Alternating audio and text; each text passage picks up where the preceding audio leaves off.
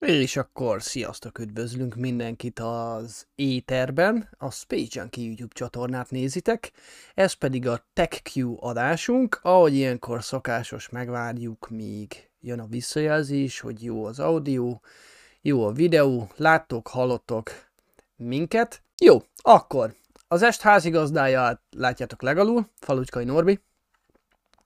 Sziasztok! Fölötte e, itt van velünk Dávid. Hello, sziasztok!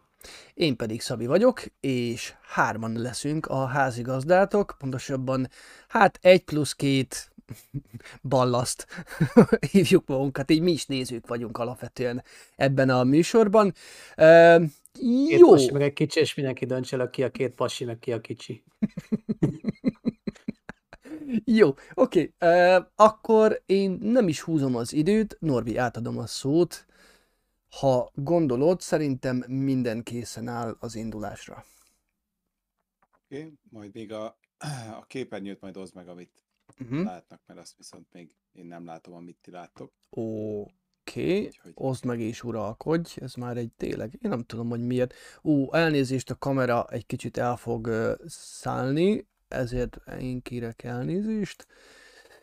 Uh, jó, oké, én közben itt újra. Addig uh-huh. összefoglalom, hogy nagyjából, hogy a mai témáink hogy lesznek. Tehát elsőre lesz majd a, a uh-huh. Rotating Detonation Engine-ről egy ilyen ö, pár szó, ha már ugye volt itt a egy japán cikk kapcsán, utána lesz pár szó szintén a, a ballonunkról, aztán így a, ha már az Index is kedvet kapott tőlünk, így majd a, a a szexről is beszélni fogunk a legvégén, de azzal inkább a záró része lesz, úgyhogy az első két témára még nyugodtan maradhat bárki. A harmadik téma előtt fogunk majd jelezni, hogy most már lehet, hogy ideje akkor egy elkülcöket elküldeni aludni. Kicsit halk vagy, Norbi, vagy nem tudom, hogy Szabi, te még tudsz ráadni, de... Megpróbálom. A... Uh-huh. Megpróbálom. Ennek nem, a kommentek, köszi nem. a visszajelzéseket egyébként. Semmi gond. Hát, akkor... ha vagyok, akkor még annyit tudok csinálni, akkor magamra erőltetem ezt a mikrofont. Ez lesz a jó még szerintem. Magasabbra, hogyha így jobb. Jobb, jobb, jobb, jobb, jobb. Uh-huh. Befelé jobb. Jó. Jó. Na, akkor akkor így marad. Még annyit csinálok, akkor a Dávidon halkítok, és akkor egyszerre felhúzlak benneteket feljebb. Most uh, teszteljük le megint, gyorsan. Egy-kettő, egy-kettő, zacskós cukor, zacskós cukor. Dave? Tolják az zacskó madzag, haló. Oké. Okay. Na szóval. Jó, azért akkor... majd írjátok meg, és annak megfelelően még húzogatom kicsit a potmétert. Let's talk about sex, baby. Igen, nekem is ez jutott eszembe egyébként, de jó. Oké, okay. Jó. vágjunk bele akkor. Na, szóval RDE. Ahogy már említettem, ez egy betűszó, egy rövidítés, ez a Rotating Detonation Engine, ami érdekes módon 1959-ben Oroszországból jött az első cikk ezzel kapcsolatban. Nem találta meg egészen pontosan, hogy kinek a nevéhez köthető. Azt, azt láttam, hogy rögtön rákontráztak, hogy de Amerikába is kitalálta ugyanebbe az időbe valaki, mindegy. Tehát, hogy majd eldönti az időutazók, hogy ki volt a, a, a ténylegesen az előbb, kitalálta ki valójában, de lényeg az, hogy én, én Oroszországra ö, ott találtam meg elsődlegesnek. A maga a neve ugye azt, azt fedi, hogy egy forgó robbanó motor, ami, ami megint egy, egy magyarázatot kíván. Ugyanis ez a magyar fogalom, hogy robbanó motor, ez nagyon félrevezető. Ugye a hagyományos motorokra, tehát a legtöbb autóban használt motorra is azt mondják, hogy robbanó motor, közben az hivatalosan egy belső égésű motor. Tehát a robbanás meg az égés között elég nagy különbség van. A hagyományos autók motorja is tud robbanásként üzemelni, tehát hogy maga, hogy az égés térben robbanások vannak. Ez, ez az a jelenség, amikor mondjuk túlzottan alacsony oktán számú az üzemanyag, túl nagy kompressziót kap, és ténylegesen berobban, és akkor egy ilyen kopogásos hangja van, marhára nem használ a, a motornak, tehát ez nem egy, nem egy üzemszerű állapot. a magyar nyelvben a robbanás meg ez a heves égés között nincs annyira jó különbség. A, az angol nyelv ezt, ezt két külön ö, ö, szóval jellemzi, tehát a, a detonation és a deflagration az egy teljesen külön, különböző ö, dolog. Ehhez szerintem a első ö, videót azt, azt be is tudjuk rakni. Mindjárt. Itt, ö, itt fogjuk látni, hogy, hogy ö, Egy pillanat. Nyugodtan Mind- mondd addig. Uh-huh. igen, hogy itt a videóban egyébként a, a, a high explosives és a low explosives ezeket mutatja be, de, de önmagában a, nagyon érdekes az, hogy több témában is már felmerült, például ez, hogy ezeket hogyan kezelik külön, illetve melyik, melyik miért veszélyes, stb. És ugye itt még a annó azt hiszem a Starship tesztelések alatt volt ez, hogy most a, a rárögzített robbanóanyagok azok, azoktól robban majd nagyobbat, stb. És ebbe is lesz egy ilyen külön kitérő erre, hogy ez miért is nem igaz. Tehát a, annak ellenére, hogy low explosívnak hívjuk azokat, amik, amik tipikusan ez a deflagration tehát ez a hevesen égnek, mint például a, a puskapor jellemzően, az, az nem jelenti azt, hogy, hogy azok nem lehetnek veszélyesek, sőt, mondjuk ebben az esetben egyébként veszélyesebbek is, mint a high explosives.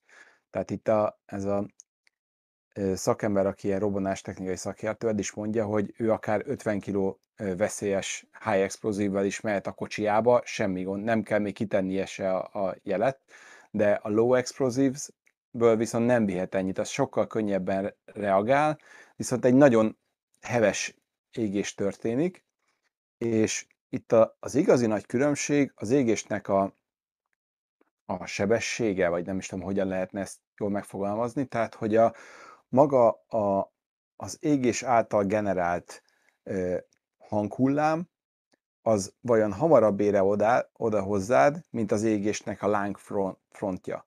Tehát ez, ez tipikusan egyébként normál esetben benzinnél, meg puskapornál ö, a hangot hamarabb hallanád, mint ahogy elérne téged a lángfront. Itt lehet is látni, hogy, hogy teljesen tehát robbannak veszélyes mind a kettő, csak másként, tehát más, másképp reagál. És a következőben fogja majd bemutatni egyébként pont az, hogy, hogy a, High Explosives, tehát ez egy Centex ö, darab, ebből mennyire másképp lehet bekap, beindítani a, a kettőt. Tehát levág ugyanakkor a darabot, mint amennyit előbb kimért puskaporból, utána ebbe ugyanúgy belerak egy, egy hagyományos gyújtózsinort, amiben előtte a puskaport meggyújtotta, meggyújtja, és lát, lássatok csodát, nem lesz különösebben veszélyes dolog belőle. Egyszerűen szépen nyugodtan el fog égni az egész. Ugyanígy működnek a, a plastik robbanóanyagok, a C4-es, stb. is, hogy Norbi, alapvetően éghető, meg, meg tud gyulladni, de nem robban. Tehát nem, nem ettől robban. A, a két anyag között egyébként az a, az a különbség, hogy, hogy a low explosives-nél ott, ott alapvetően összekevernek két anyagot, ami, amiből az egyik az égés segítő, a másik egy ég, éghető anyag, egy hevesen égő anyag, és a high explosives-nél viszont ezek, ezek kvázi mo- molekuláris szinten kapcsolódnak, tehát úgy van előállítva egy, egy, egy teljes egységként, tehát sokkal ö, finomabb keverék, mint a, mint a másik, de ez nem is indul be olyan, olyan hirtelen, kivéve akkor, hogyha egyszerre kapja meg a, a hőt is, illetve ezt a lökés hullám által kapott energiát. És ehhez egy nagyon, nagyon kis apró detonátort szoktak használni. Szerintem mehet tovább a videó, mert úgy látom, is megállítottad. nem, nem, nem, nem. Az a baj, hogy copyrightos, és közben írja, Á, uh és értem. írja, hogy Jó. ha, hogyha tovább játsszuk le, akkor egyszerűen blokkolják az élőadást. Jó, akkor, akkor nem érdekes. Ö, bocsánat, ezt, ezt nem, nem néztem. hogy- Ez, hogy, ez, ö, ez kiszámíthatatlan, az a baj. Tehát ö, próbálunk felhasználni videókat, de nem, de én nem tudom, hogy hogy csekkoljuk le előtte, hogy mindegy. Semmi tovább. gond. Mhm. az volt a lényeg, hogy a, a másik, ö, abban az esetben, hogyha nem egy hagyományos gyújtózsinolt rak, rakott bele, hanem egy detonátort, akkor az egész asztalt szétkapta neki a robbanás. Ezt egyébként meg tudjátok nézni a, ezt a videót nyugodtan, hogyha Belinkelem. gondoljátok. Uh-huh. Pillanat, bedobom a, az élő adásba uh-huh. is. Úgyhogy nagyon érdekes és tanúságos ilyen szempontból, hogy mennyire másképp reagálnak, és tipikusan ez a high explosives, tehát a, a, ezek a típusú robbanószereket csak ezen a módon tudod igazán hatékony, hatékonyan kihasználni, vagy tényleges robbanásra bírni. Ha csak odamész egy öngyújtóval, akkor csak meggyújtod elég, elég és semmi különösebb veszélyes nincs benne, ezért is mondta, hogy, hogy mindenféle figyelmeztető tábla nélkül el tudja vinni a kocsijában. Ezt miért is volt ez a kitérő? A, a kitérőnek azért, azért gondoltam, hogy ezt érdemes e-, ezt megemlíteni, nem csak így a, a a Sentex, meg a C4, meg egyébként egyéb dolgoknak a viselkedése miatt, hanem amiatt is, hogy hogy nagyon nagy különbség van robbanás és robbanás között, míg a magyar nyelv ez nem tesz különbséget, de egy heves égés az nem robbanás, tehát a robbanás az onnantól kezdődik, hogyha ha a lángfront legalább eléri a, a hangsebességet, vagy azt meghaladja. Tehát gyorsabban terjedne a láng az adott anyagban, mint az általa gerjesztett hang. Egy pillanatra, és, egy kérdést feltettek. Emlékszer, emlékeztek rá, amikor felrobbant valamelyik Starship teszt alany, és Scott Manley kielemezte, hogy az most robbanás SN4, volt. SN4. Köszönöm. Amikor szépen így a, a, az a más szimulátorja, a tömegszimmulátort így kilőtte magára. Így van, maga. így van. És, és, és emlékeztek, ott volt egy, egy ilyen sok, mi ez, mi a shockwave, egy így hanghullám, vagy egy lökéshullám. Lökéshullám, lökéshullám. köszönöm. És, és ugye most arról ment akkor ott is a vita, hogy ez most robbanás volt, vagy nem volt robbanás. Pontosan emiatt, mert hogy, mert hogy a, a lökés hullám azt hiszem gyorsabban terjedt, és emiatt nem, azt hiszem azt mondta, hogy nem robbanás volt, hanem hanem ez a deflagration. Ezért mondom, hogy Aha. nincs a magyarban erre jó ö, megfelelő. Egy, egy, egy szó, ami jó lenne. Tehát uh-huh. ezt mondhatod, hogy egy ilyen ö, heves égés, vagy valamilyen kitalálhatsz rá, de nincs olyan, tehát nálunk a ö, ilyen szempontból vagy ezen a területen lehet, hogy szegényes a nyelv, vagy csak az én nyelvem szegényes, tehát nyugodtan mondhattok ö, konkrét magyar megfelelőjét ennek, én nem találtam, tehát hogy ebben pedig tényleg próbáltam megkeresni. Tehát a, az angolban mondom, ez a detonation, uh-huh. az, azt hívjuk detonationnek, amikor az égési határfelület gyorsabban mozog, mint az adott hangsebesség. És egyébként explosionnek hívják a detonation-t és a deflagration-t is, csak uh-huh. hogy még jobban megkavarjam az egészet. Tehát explosion minden heves égés, és a deflagration az pedig a, az kifejezetten az, ahol, ahol szubszónikus még a, a lángfrontnak a terjedése. Tehát hamarabb jön a hang, mint a láng. Uh-huh. És akkor nézzük a második videót, mert szerintem akkor ahhoz a, abból biztosan az reméljük, az nem lesz copyrightos. PD-re gondolsz, Scott, ugye? Scott Mann is. A Scott Mann is. Jó, egy pillanat. Az a PD-je, nem? És ott pont egy, egy diagrammal fog indulni. Pillanat, mert... És az lesz a... Így nem lett különvéve, hogy az... Ja, itt van. Aha, ő lesz. Az, itt ugye? van, igen, uh-huh. igen. Na és itt, itt lehet látni, hogy a detonation és a deflagration között mi a különbség. A legérdekesebb ebbe a, a, a képben a jobb oldali diagram. Tehát lehet látni, hogy ez, ez igazából egy, egy nyomás és egy, egy távolság diagram, és hogy mennyire egy pillanat alatt változik meg a nyomás a detonation esetén, és, és esik vissza szinte ugyanarra a pontra, míg a másiknál egy folyamatosan felépülő és folyamatosan lecsökkenő nyomás van, nyomás hullám van. Tehát, hogy kicsit úgy tudnám talán így életszagúbbá tenni, az egyiknél, mintha ha ellöknél valakit, vagy eltolnál valakit, a másiknál, mintha egy belecsapnál egy nagyot. Uh-huh. Tehát, hogy teljesen más a, a kettőnek a, a dinamikája, és ugyanezért ö, ö, tud másképp is viselkedni a, az anyagokra. Tehát az adott keverékekre az, ha egy pillanat alatt nő meg a, a nyomása, az össze tudja sűríteni az anyagokat, ugye hirtelen összenyomódnak, és akkor sokkal könnyebben, ugye maga az összesűrűsödéstől is melegszik egy anyag, tehát hogyha ha valaki pumpát már biciklit életébe, akkor azt tudja, hogy a bicikli pumpát csak egy ideig lehet fogni, mert utána annyira fölmelegszik, hogy már inkább csak a végeit próbálod fogni. Ugyanez van, itt is, hogy összesűrűsödik, fölmelegszik, és még utána meg jön a, jön a sőt, igazából vele együtt jön a lángfront, ami még, még jobban melegíti. Hoppá, egy pillanat, mert valamiért most úgy néz ki, hogy ki akar kapcsolni a gépen, amit nem kéne. Az nem jó. Ajaj. És itt is vagyok. Újra. Nem tudom, hogy... Ahogy ezt tudjátok, az élőadás varázsa. Igen, ezt már gondoltam, hogy mikor fogjuk elsütni ezt a, ezt a dolgot. Ezt minden egyes problémánál el lehet sütni. Minden, minden varázslat az élőadásnak a hibája, úgyhogy uh, uh, hol is jártam? Ja igen, Szóval mehetünk is tovább a videóba szerintem, Jó. így uh-huh. nagyjából kivesést, kiveséztük, hogy mi a detonation, uh-huh. És innentől kezdve csak, csak detonationokról lesz szó. A, az önmagában a, legel, a legelső ö, verziója ennek a, az RDE családnak, az, az igazából a, a PDE, tehát ez a Pulse Detonation Engine, ami alapvetően úgy néz ki, mint egy cső amiből jönnek ki lángok a végén, és így, így időszakosan lődöz. Kicsit hasonló, mint a rosszul beállított gyújtású autók, amikor így, így kikilőnek, de, de mégse pont ugyanaz.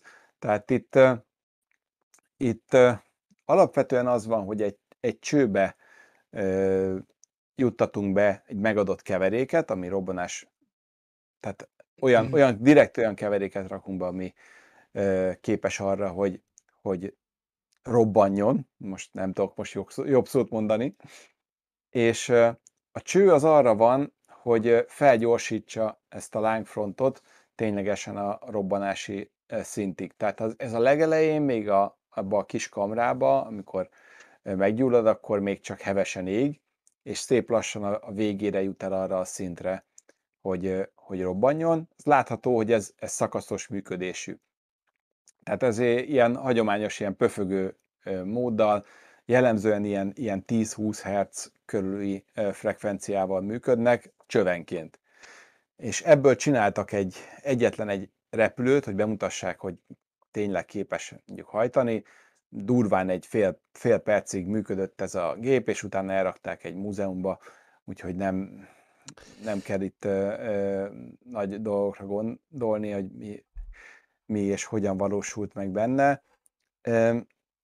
Maga az egész, ez a rotating detonation, maga, nem, a detonation engine-eknek a fejlettségi szinte, szintje az jelenleg ott jár, mint mondjuk, hogy az egyik előadásban hasonlították ahhoz, hogy, hogy mint a repülés, ahol járt, amikor még, még hőlégbalonokkal kísérleteztek a legelején. Tehát még borzalmasan az egésznek az elején járunk, vannak irányok, vannak próbálkozások, de, de ezek nem tudtak napokig, hetekig, hónapokig működni, még órákig se tudnak működni, a legtöbb. Hmm. Tehát, hogy ezek, ezeket jellemzően ilyen perces, másodperces szimulációkba tudják fenntartani.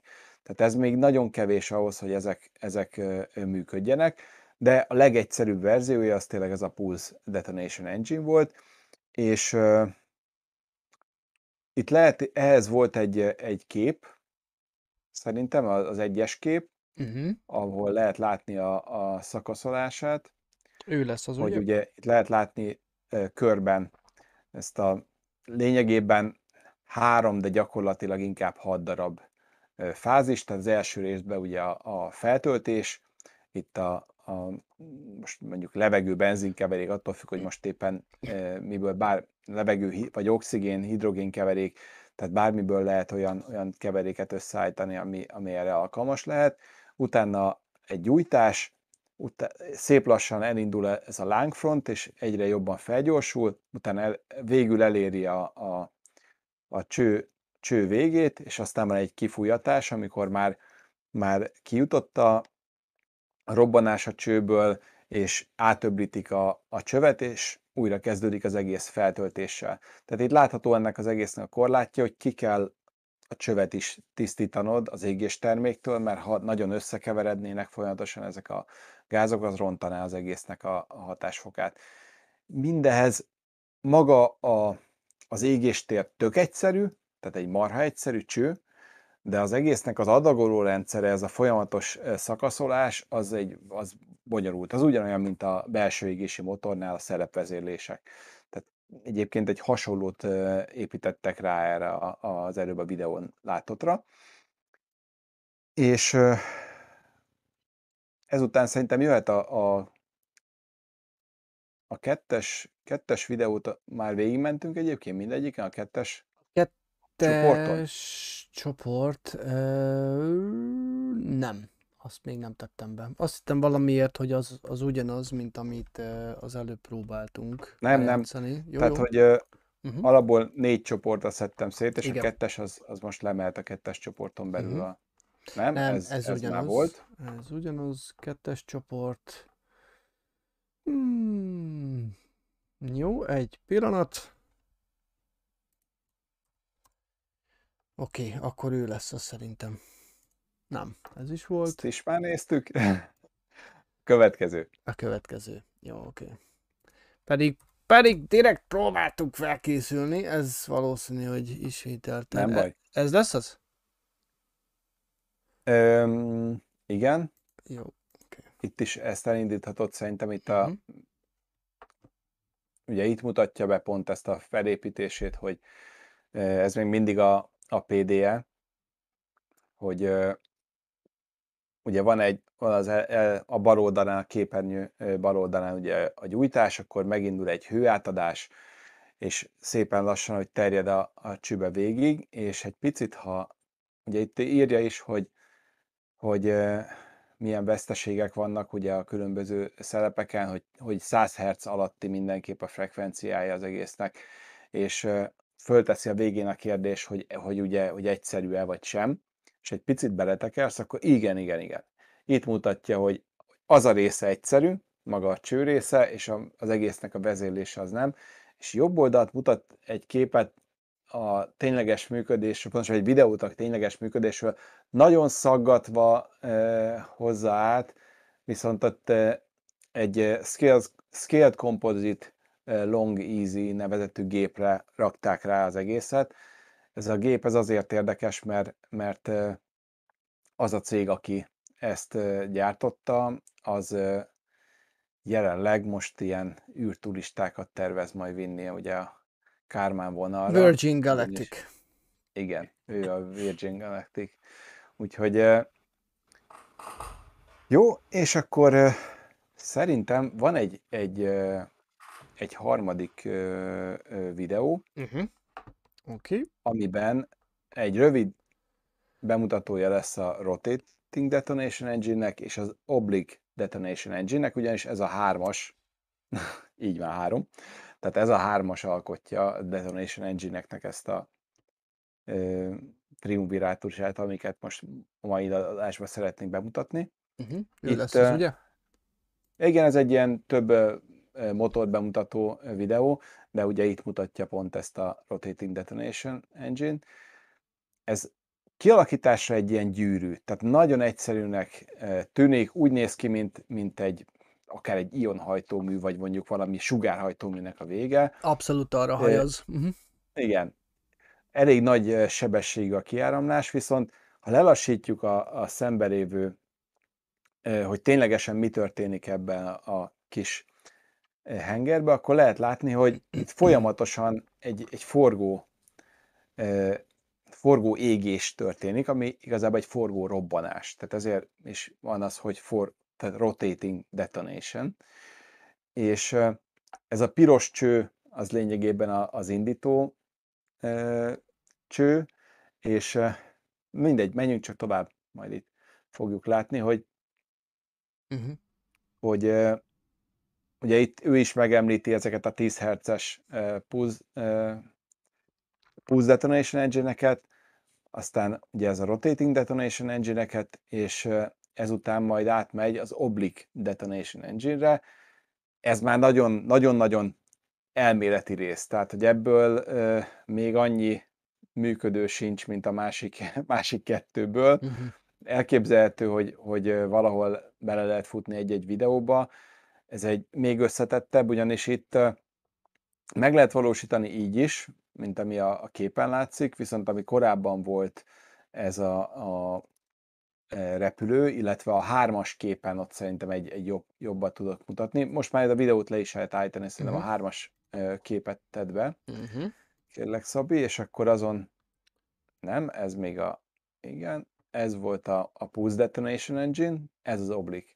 Uh-huh. Tehát, hogy az, ami pillanatra lehetett látni repülőgép, az alapvetően ez a terve, hogy, hogy így működjön. Itt van egy nagyon speciálisan fölépített formájú test, amit bőven hangsebesség fölé gyorsítasz. Ha jól tudom, azt hiszem ilyen, ilyen 4-5 machra kell felgyorsítani, és ott már elegendő torlónyomás képződik, lényegében itt a szívó, szívó torkon, hogy előálljanak ezek a lökés hullámok.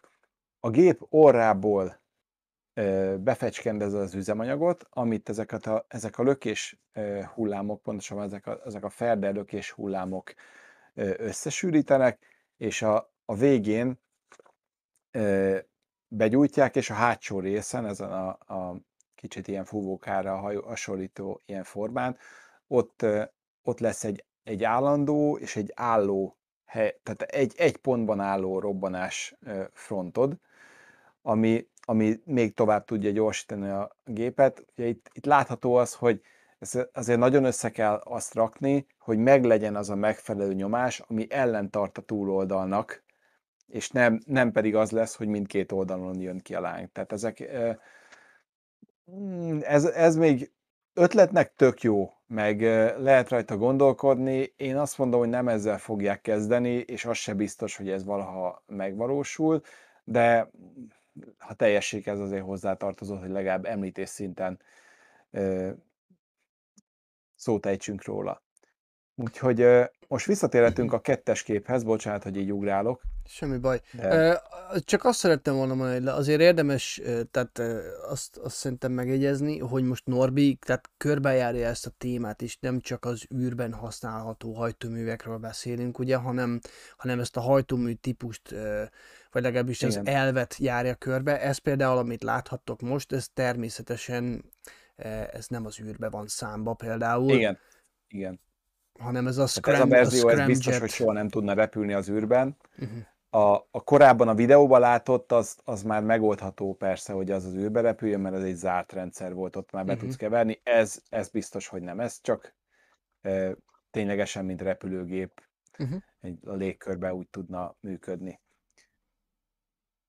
Úgyhogy kettes... nézzük meg szerint kettes képet, igen. Uh-huh. Ketteske. Val, ez, ez lenne a terv, hogy, hogy így fognak majd kinézni a, az erdélyek.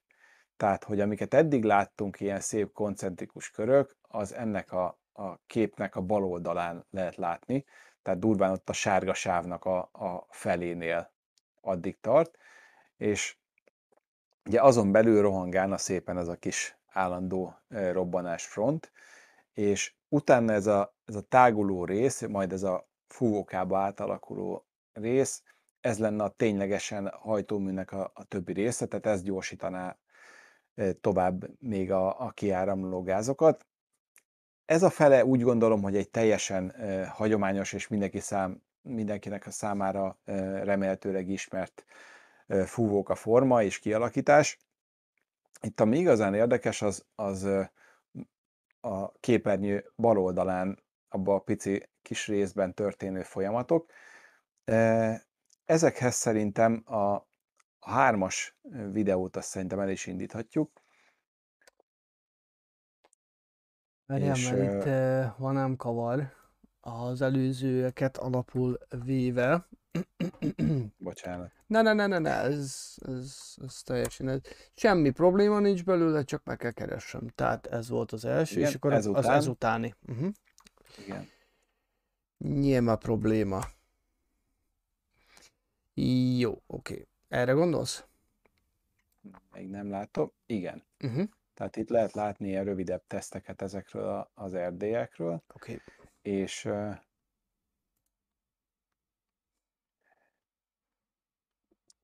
és igen, itt a begyújtásnál lehet látni, hogy először ugye belobban a, az egész, és utána olyan, mintha egymást így kergetőznének uh-huh. különböző ilyen ö, frontok, és ez ténylegesen így is van, tehát hogy a, a maga ez a ö, robbanásfront, ez folyamatosan köröket ír le.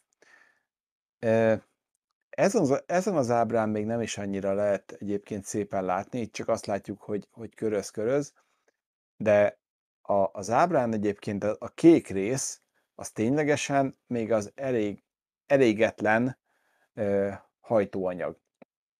Tehát például kokáin hidrogén-oxigén keverék. E- ebből ugye itt néha lehet látni, hogy többször, vagy több front is üldözi egymást, ez addig tud fennmaradni, amíg mind a két robbanásfrontnak elegendő a, a betáplált üzemanyag. Tehát ha kellően sok üzemanyag megy be, akkor akár kettő vagy három vagy több front is éghet. Normál esetben viszont egy, egy is képes, egyed is képes működni az egész. Mm, Ha viszont el, elront valami számítási hiba, vagy valami adagolási hiba van, akkor ez is megáll, mert nagyon borzasztóan érzékeny az egésznek a folyamata. Szerintem mehetünk a következő videóra, mert még nem ez volt az, amit, Uh-huh. amit kerestem. Ez még a Scott Mell is volt, ugye? Igen. Ez még mindig a Scottman is, Igen. igen. Ö, igen, és ezután lesz szerintem. A következő lesz? Itt. Na, ez, az, ez Itt. egy nagyon szép. Na, várjál. Látjuk ezt a Pillanat. gyönyörű... Na most eltűnt. Tudom, mert csak visszatekertem, most tettem ki Semmi gond. élő adásba. Uh-huh. Jó. Tehát elsőre ez kicsit fura lehet ez az ábra, viszont ez ténylegesen ugyanaz, mint amit az előbb láttunk forogni. Csak itt úgy kell elképzelni, hogy azt, azt a gyűrű felszínt, azt most elvágtuk és kiterítettük, és egy pillanatában megállítottuk az egész, egész hullámot. Tehát itt lehet látni, hogy, hogy amit előbb említettem, alul ez a kék rész, az ténylegesen még a, az a, az üzemanyag, a betöltött üzemanyag. Tehát, ahogy említettem, mondjuk hidrogén-oxigén keverék. A közvetlenül mellette, ez a majdnem függőleges, ilyen kicsit ilyen, ilyen ferdén álló, az ugye az a pont, ahol maga a robbanás történik, az a detonation front. Tehát ott egyszerre kapja meg hirtelen a, a hőt, a, a lökés hullámot, ott minden, minden összesűríti a korábban már bekerült üzemanyagot. Tehát úgy, úgy kell elképzelni, hogy tényleg mintha egy pillanat alatt összenyomódna, és már be is, be is rob, robban. Ez, ez a hullám, ez üldözi ténylegesen az üzemanyagot, hiszen akar Mhm. arra menni, amerre még van égés termék. Mögötte lehet látni ezeket a, a maga robbanás hangjától, illetve az égés ö, lefolyásából keletkező ilyen, ilyen elég érdekes, ö, mint ilyen halpikkely-szerű ilyen, ilyen lökés hullámokat, ugyanis a, maga az égés sem egy egyetlen egy vonalba egyszerre történik, hanem azok is ilyen, ilyen mm, majd lesz erről egy, egy videó, hogy, hogy ilyen pontszerűen alakulnak ki, és, és úgy, kell, úgy lehet talán a legjobban elképzelni, mint hogyha ha egy ilyen perforált lapon az összes lyuknál meggyújtanád külön-külön a, a pontokat, és azok kit szétterjednének, majd amikor teljesen égne az egész lap, akkor újabb perforációk során indulnának be ezek a Mhm. folyamatok. Tehát, hogy ilyen nagyon érdekes ezeknek a hullámképeknek a kialakulása, és fönt ez a oblik sok, ez, ez a ferde lökés hullám, az ténylegesen ugye a, már a kifele táguló, illetve terjedő lökés hulláma a robbanásnak, és van egy, egy nagyon, nagyon lankás rész, ahol pedig elméletileg akár egy, egy égés is lehet, tehát ez a, ez a deflagration Uh-huh. Vonal. Tehát, hogy az igazán zseniális ebbe az egészbe az az, hogy, hogy ebben a, a verzióban nincs szükséged arra, hogy te adagold az üzemanyagot. Tehát míg a, míg a PDE esetén ott folyamatosan, ahogy láttuk a szelepek nyit, nyit, nyittak, zártak, adagolták befele, utána megint ki kellett üríteni, stb. Itt folyamatosan ráadod a nyomást, folyamatosan tolod be az üzemanyagot, és azért nem fog most a képen látható részen a, a másfél és, és három, hármas érték között, de egyébként ez a pi van ugye kifektetve, tehát itt a, a radián miatt van ugye ez a, a pi érték, tehát ezért, ezért nem látunk rajta hetes számot már. É, tehát a, a képen látható helyen a másfél és a hármas 3,1 között azért nincs kék mező, mert a robbanásnak a nyomása nem engedi oda bejutni az üzemanyagot. Uh-huh. És ahogy egyre távolodunk tőle, csökken a nyomás, mert egyre inkább már, már jut ki a, az égéstérből, akkor megint elkezd befolyni az üzemanyag, és el fogja érni ugyanazt a szintet, hogy újra be tudja robbanni szembe. És ez egy, tehát maga az egyszerűsége szerintem nagyon, nagyon ötletes, az egy másik dolog, hogy ez, ez egy borzasztóan érzékeny folyamat, hogyha kicsit is lelassul valamiért a, az adagolás, vagy nem lesz tökéletes a valamelyik fúvókán a, a beáramló üzemanyag mennyisége, akkor már borul az egész. Hmm. Vagy csak egy picit mondjuk valamelyik hidegebb, melegebb, nagyon, nagyon, nagyon nehéz még összerakni, és, és borzasztóan az elején járnak a, az egésznek. Úgyhogy maga az, amit ebbe a videóba említenek, az ő kísérleti ilyen modelljük, az egy 6 kHz-es modell volt, tehát 6, 6 kHz frekvencián lehet hallani ugye ennek a lökéseit, tehát a maga a folyamatos ilyen körzéstől is ugye létrejön egy, egy ilyen pulzáló hang. Eléggé főségetítőek egyébként, tehát hogy a, a, a PDE verziók esetén is már, már följegyezték azt, hogy, hogy 195 decibeles volt az a, az egység. Tehát maga ezek a robbanások, ezek hihetetlenül hangosak. Tehát 195 decibel, az, az ha jól emlékszem, pont annyi, mint ami a Saturn 5 mellett volt. Hm. Tehát, hogy azért nem biztos, hogy sokan állnánk ott mellette, nem a hő miatt, hanem ténylegesen a hangerő miatt is. Tehát, hogy azért az egy ilyen, ilyen gyakorló életveszély lenne, főleg a fület számára az egészen biztos, de, de belső szerveknek se használna egy ennyire, ennyire erős hang. Hm. Úgyhogy ezek nem egy, nem egy csöndes hajtómű típusok, hm. bár mondjuk a egyik rakéta se egy lopakodó. nem Tehát, arról híresek, igen. Igen, nem arról híresek. Maga itt az égési határfelületnek a sebessége, tehát maga ez, hogy milyen sebességgel teszi meg ez a, ez a, a köröket, az olyan 4-5 Mach. Tehát a hangsebesség 4-5-szörösével tudták ezt tesztelni. Wow. Ez a Ferde lökés hullám egyébként, mert lehet látni, hogy maga ott a legalsó rész sem függőleges, hanem van egy ilyen kicsit ilyen ferdesége, ez kifejezetten jó. Tehát ha, ha függőleges lenne a, a lökés hullám, az, az hajlamosabb inkább két oldalra eltolni magától az anyagot.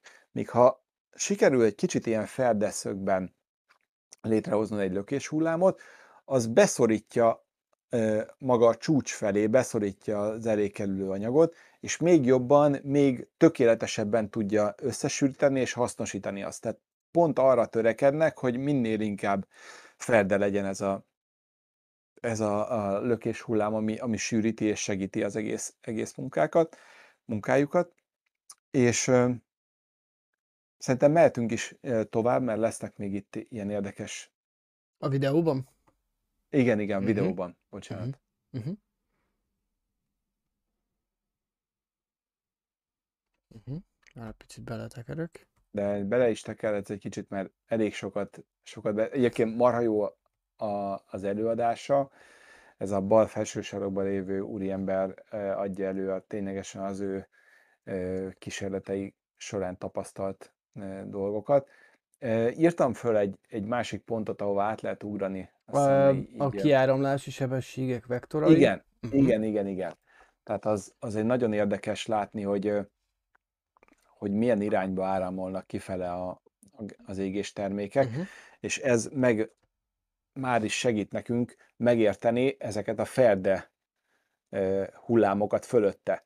Ha megnézzük, ugye a robbanásnak a tehát ez egy, ez egy mozgó koordinátorrendszer, tehát nem úgy kell elképzelni, hogy van egy robbanás, és onnan szétterjednek a, a lökés hullámok, hanem egy, egy folyamatos robbanás, ami közben járja a köreit, és emiatt a belőle kiáramló gázoknak az iránya az, az folyamatosan eltérő lesz. És itt lehet látni a, a diagram felső részén, hogy milyen irányban állnak a Uh-huh. kiáramló gázoknak a, tehát hogy ténylegesen melyik irányba akarna áramolni, és ott látszik középen, hogy ez a oblik sokvonal, tehát ez a ferde nyomásfront, az pont azért alakul ki, mert ott egymással ütközve, ütköznek. Erre gondolsz. az egyik, igen, igen, igen, Mhm. ott, ott, pontosan. Uh-huh. Tehát az, az a határfront, az pont azért alakul ki, mert ott, ott összeütközik a két egymás ellen, tehát ellenkező irányba haladni akaró közeg. Úgyhogy, Hm. és ugye itt is mutatja ezt a feltöltési részt, még kicsit mehetünk már ezen is tovább. Uh-huh. El lehet egyébként mélyedni nagyon ebben. Tegyem a tehát, ö, következő maga- videót, vagy menjünk csak tovább? Ö, most nincs előttem. Következő, következőre- detonációs front működése. Az, az jó. Azt nézzük, nézzük meg a detonációs frontot. Okay. A, mert arról már beszéltem szintén, de látni sokkal jobb. Uh-huh. Erre Na gondolsz? igen, igen, igen. Mhm. Itt van. Amit előbb mondtam, ez a ilyen ö, halpikkelyszerű rész, ami kialakult ugye az egészen, az pont ezért van, és hogyha itt megy a videó, akkor lehet látni, hogy van egy, egy ilyen reakciózóna, ez a zöld Mhm. rész, és ugye a narancssárga rész az már ténylegesen ugye a, a, az elégett égés termék, tehát a, ez a sárgább, sárgás vonal az, ahol, ahol maga a robbanás történik, és hogy ez, ez ilyen pontszerűen először kiterjed, aztán mikor teljesen eléri a teljes ö, szélességet, ugye, hogy teljesen elhasználja az összes égés terméket, akkor megint egy-egy pontokon kialakulnak. Tehát, hogy nem úgy kell elképzelni, mint egyetlen egy, egy pontba egy folyamatos reakciót, hanem inkább vannak ilyen gócpontok, amik, amiknek a vándorlása, illetve az egymásra hatása az újabb gócpontokat alakít ki, Mhm. és ebből adódóan jön ki ez a, ez a fura ilyen pikkelyes forma, és ugye ez is, hogy ezeket hogy tudják optimalizálni, mert ezek, ezeknek a, ö, a hatás ellenhatásoknak lehet a végén egy olyan eredménye, hogy pont kioltja az egész, egész rendszert, valamiért úgy, úgy hatnak egymásra, ö, ezt tényleg megint nem megértetni akarom, inkább csak azt, azt bemutatni, hogy mennyire összetett ez. Tehát tök egyszerűen gondoljuk, ó, csak felrobban, beküldjük az üzemanyagot, és akkor majd minden jó lesz, de nem. Tehát, hogy itt, itt millió egy dolog. A robbanási ö, hullámoknak a visszaverődése az adott ö, égéstéren belül, a, a, az üzemanyagnak a, a, a kellő elosztása, összekeveredése, tehát maga a keveréknek az állandóságát, a fenntartása, tehát ezek mind-mind olyan, olyan problémák, amik, amik nagyon megnehezítik az ő életüket. Egyébként ahhoz, hogy egy, ezt össze tudják hozni, és meg tudják mutatni ezt a, ezt a fajta működést, ahhoz nagyon le kellett lassítaniuk a, a folyamatot, és ezért próbáltak olyannal, hogy a hidrogén-oxigén keverékhez, mert ugye ők azt használtak ebbe a kísérletbe, külön argont adagoltak hozzá, ezzel is rontva persze az égést, égés, de lassítva az egész robbanási folyamatot, és így, jobban tudták legalább filmre venni, vagy értelmezni a történéseket. És az egésznek a, a végén egyébként már szerintem a négyes képet berakhatjuk, mert már Uh-huh. sokkal több már nem lesz ebbe a videóba. Kitér arra, hogy nagyon sokan említik, hogy, hogy ezek az RDE egységek, ezek milyen egyszerűek itt, és láthatjuk is, hogy alapvető ilyen kialakításban. Itt lehet látni, hogy a kék a, a, az oxidálószer, és a, a sárga maga az üzemanyagnak a, a kamrája, és ez csak ténylegesen a, a befecskendezés előtt keverik össze, és ugye belül meg kialakul ez a forgó robbanási hullám, hogy kitérnek rá, hogy ez, ez egy mennyire jó dolog, és hogy 20%-kal hatékonyabb, mint a, mint a hagyományos hajtóművek, és hogy, hogy ebből mindenkinek ezt kéne csinálnia, mert ez annyival jobb. Ez igaz is, meg nem is. Ugyanis egyik oldalról nagyon gyerekcipőben jár.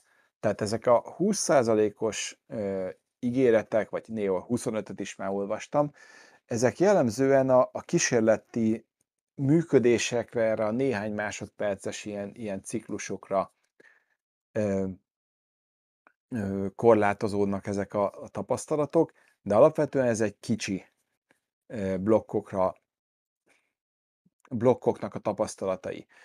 És egy kis, kis mérletben nem biztos, hogy minden pont ugyanúgy működik, mint nagyban. Hmm. Ennél nincs is jobb példa erre, mint például maga ezek a kis injektorok, tehát ezek a, itt a képen itt ilyen mikronuzzlesnek írja, tehát ilyen apró kis fúvókák, ahol bejut a üzemanyag keverék. Maga a,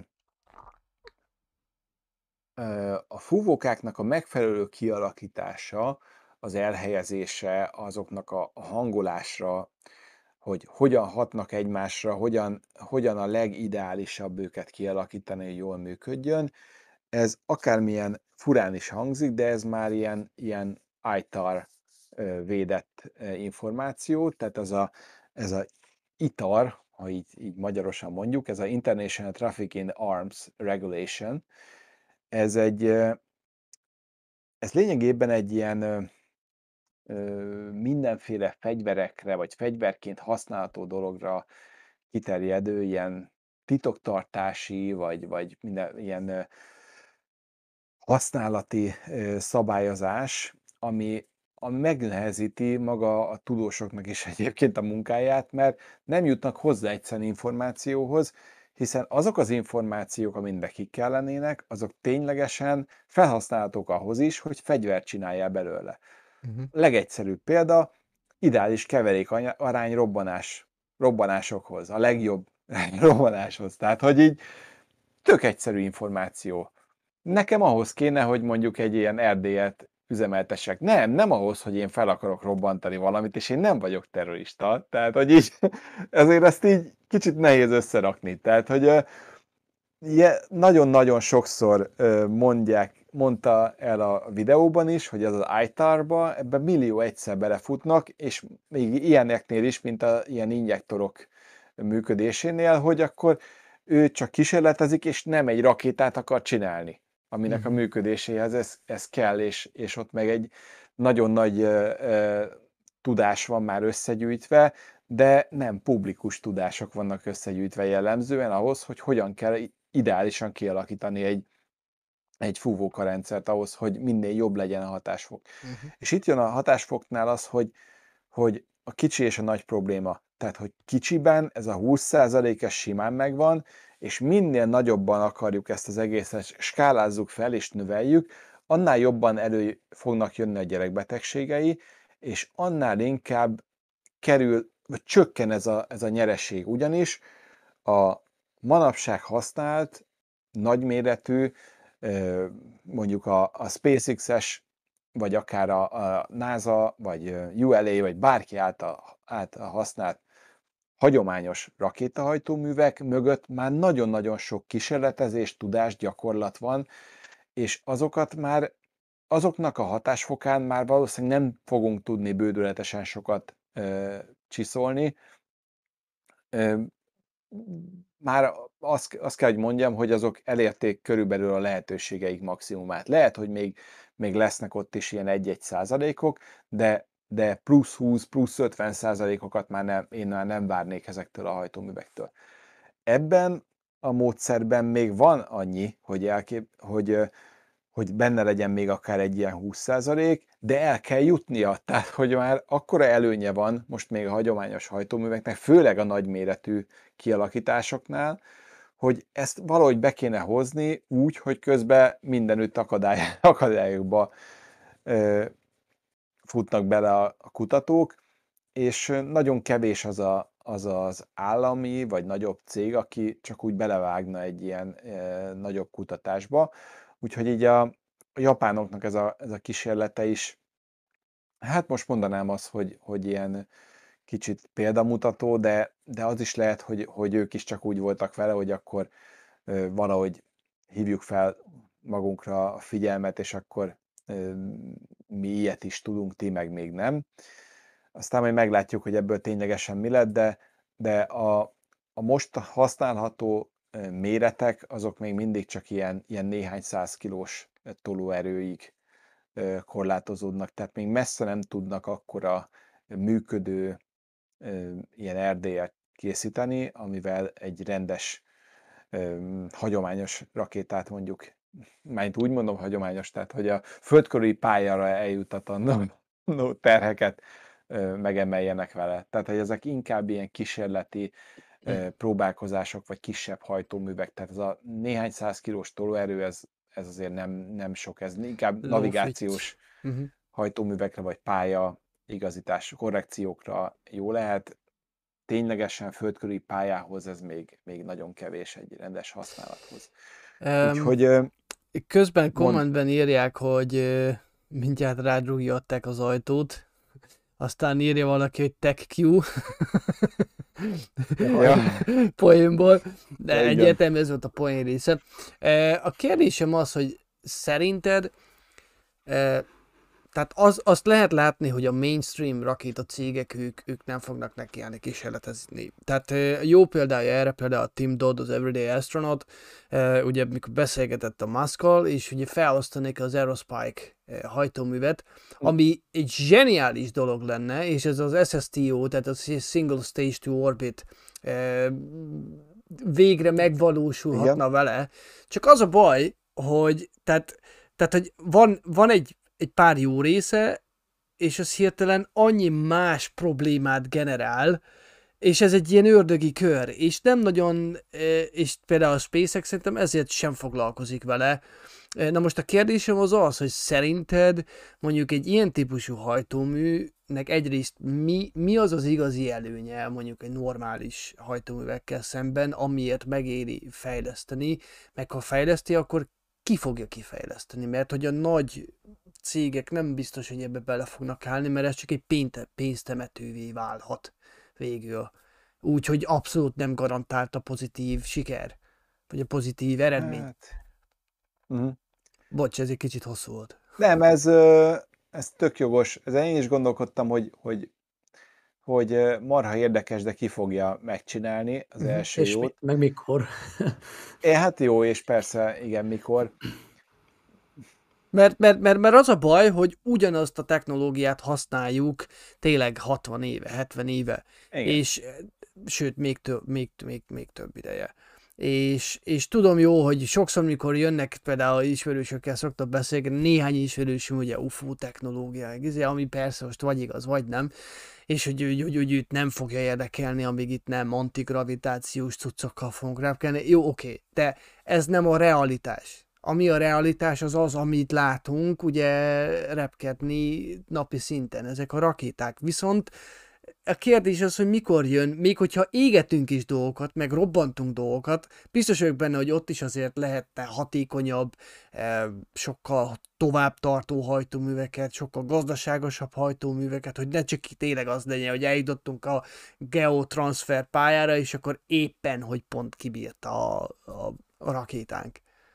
Igen. Tehát ennek a típusú hajtóműnek, ugye kérdezte az előnye, stb.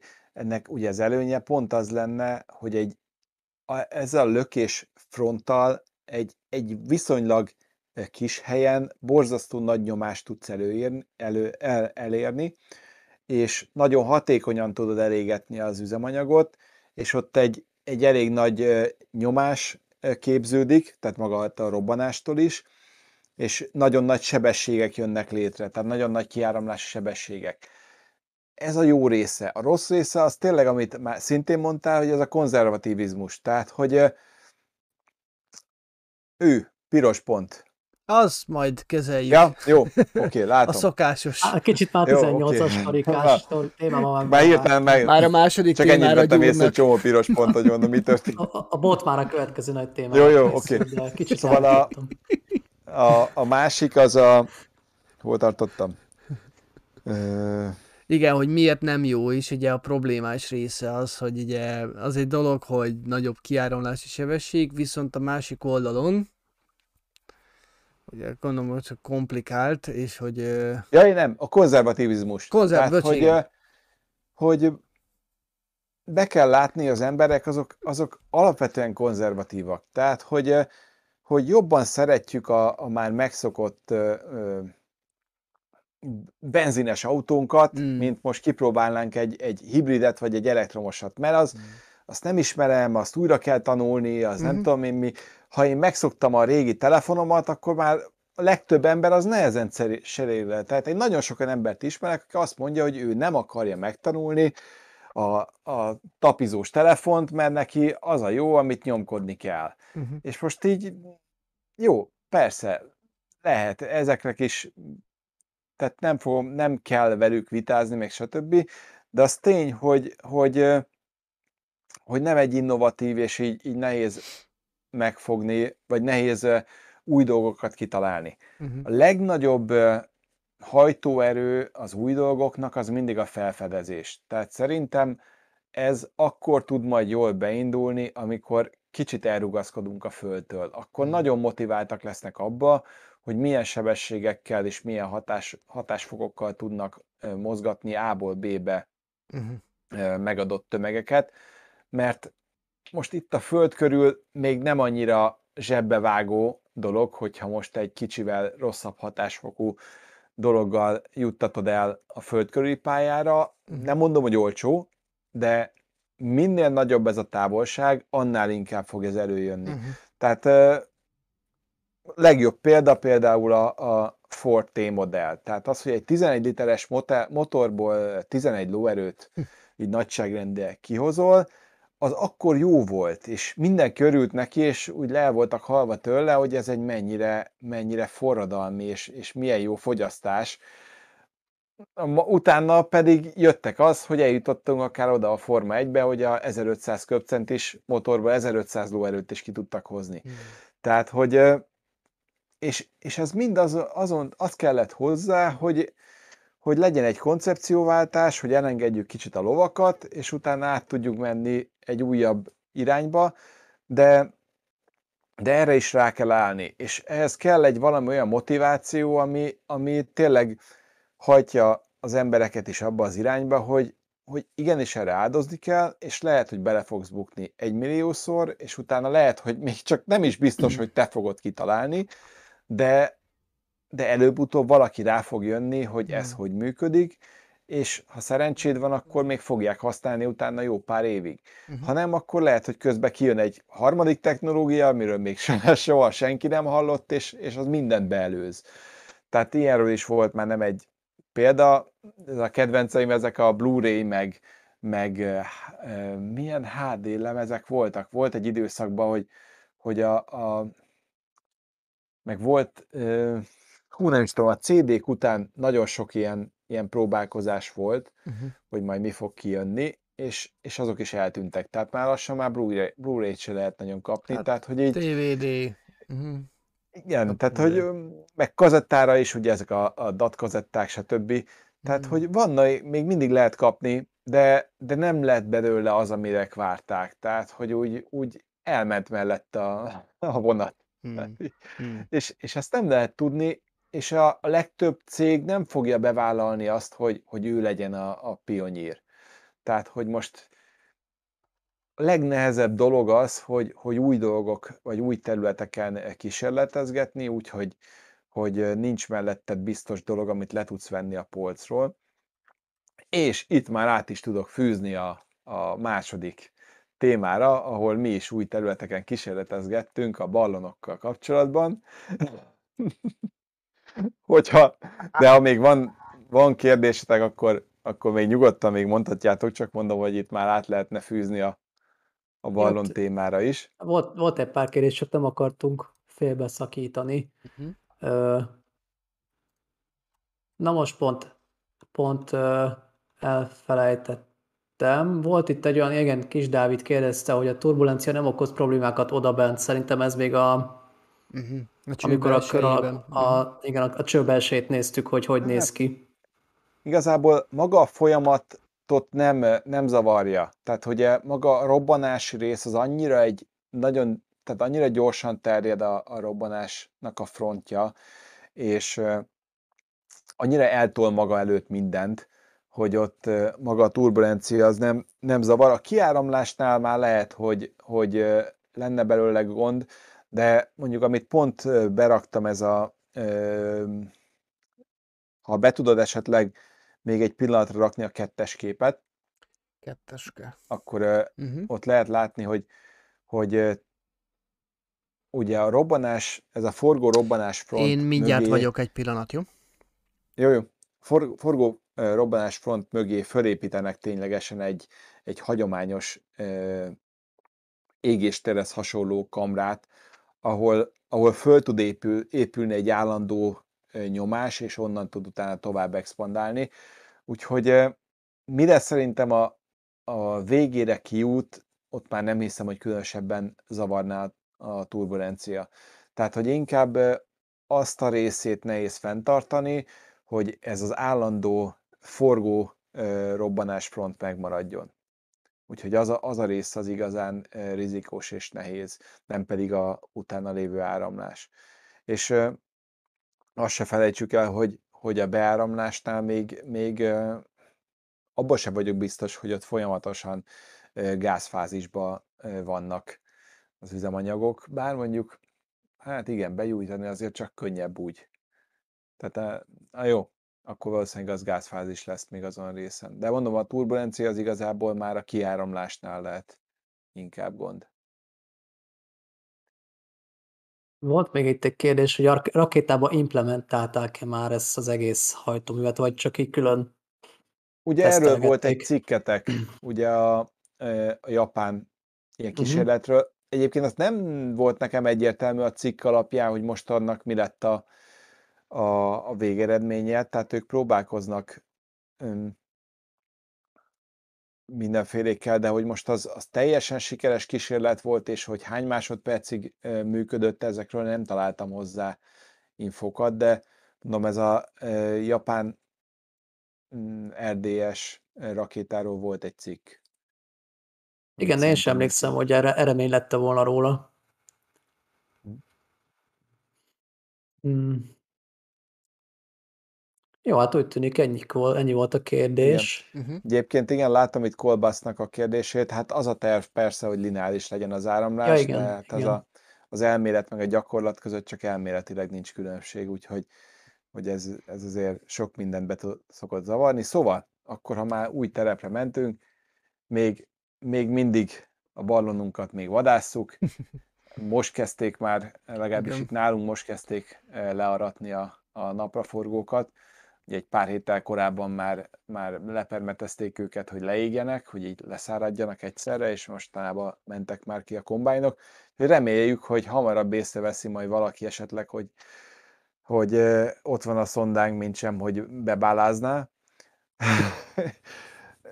Vagy ugye én, én tényleg amit lehet megtettem, tehát ugye írtunk újságoknak, ők is lehozták eh, cikkbe, a vadászoknak elküldtem, ejtőernyős kluboknak, a Bükki Nemzeti Park hatóságának, az összes létező kb. célterületen fekvő ilyen polgármesteri hivatalnak elküldtem. Még nyomtattam ilyen keret, keresős plakátokat is, mint amiket épp a, a Szabi mutat nektek, mondjuk nem feltétlenül angol nyelven,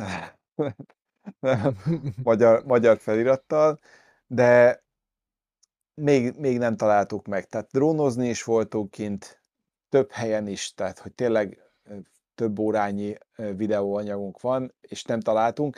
Nagy pöfetegeket találtunk, tehát arra már si- sikerült beugratnia, hogy, hogy gömb, de gömb, de Az nincs rajta ejtőernyő, de tök, teljesen gömbformájú, nézzük meg!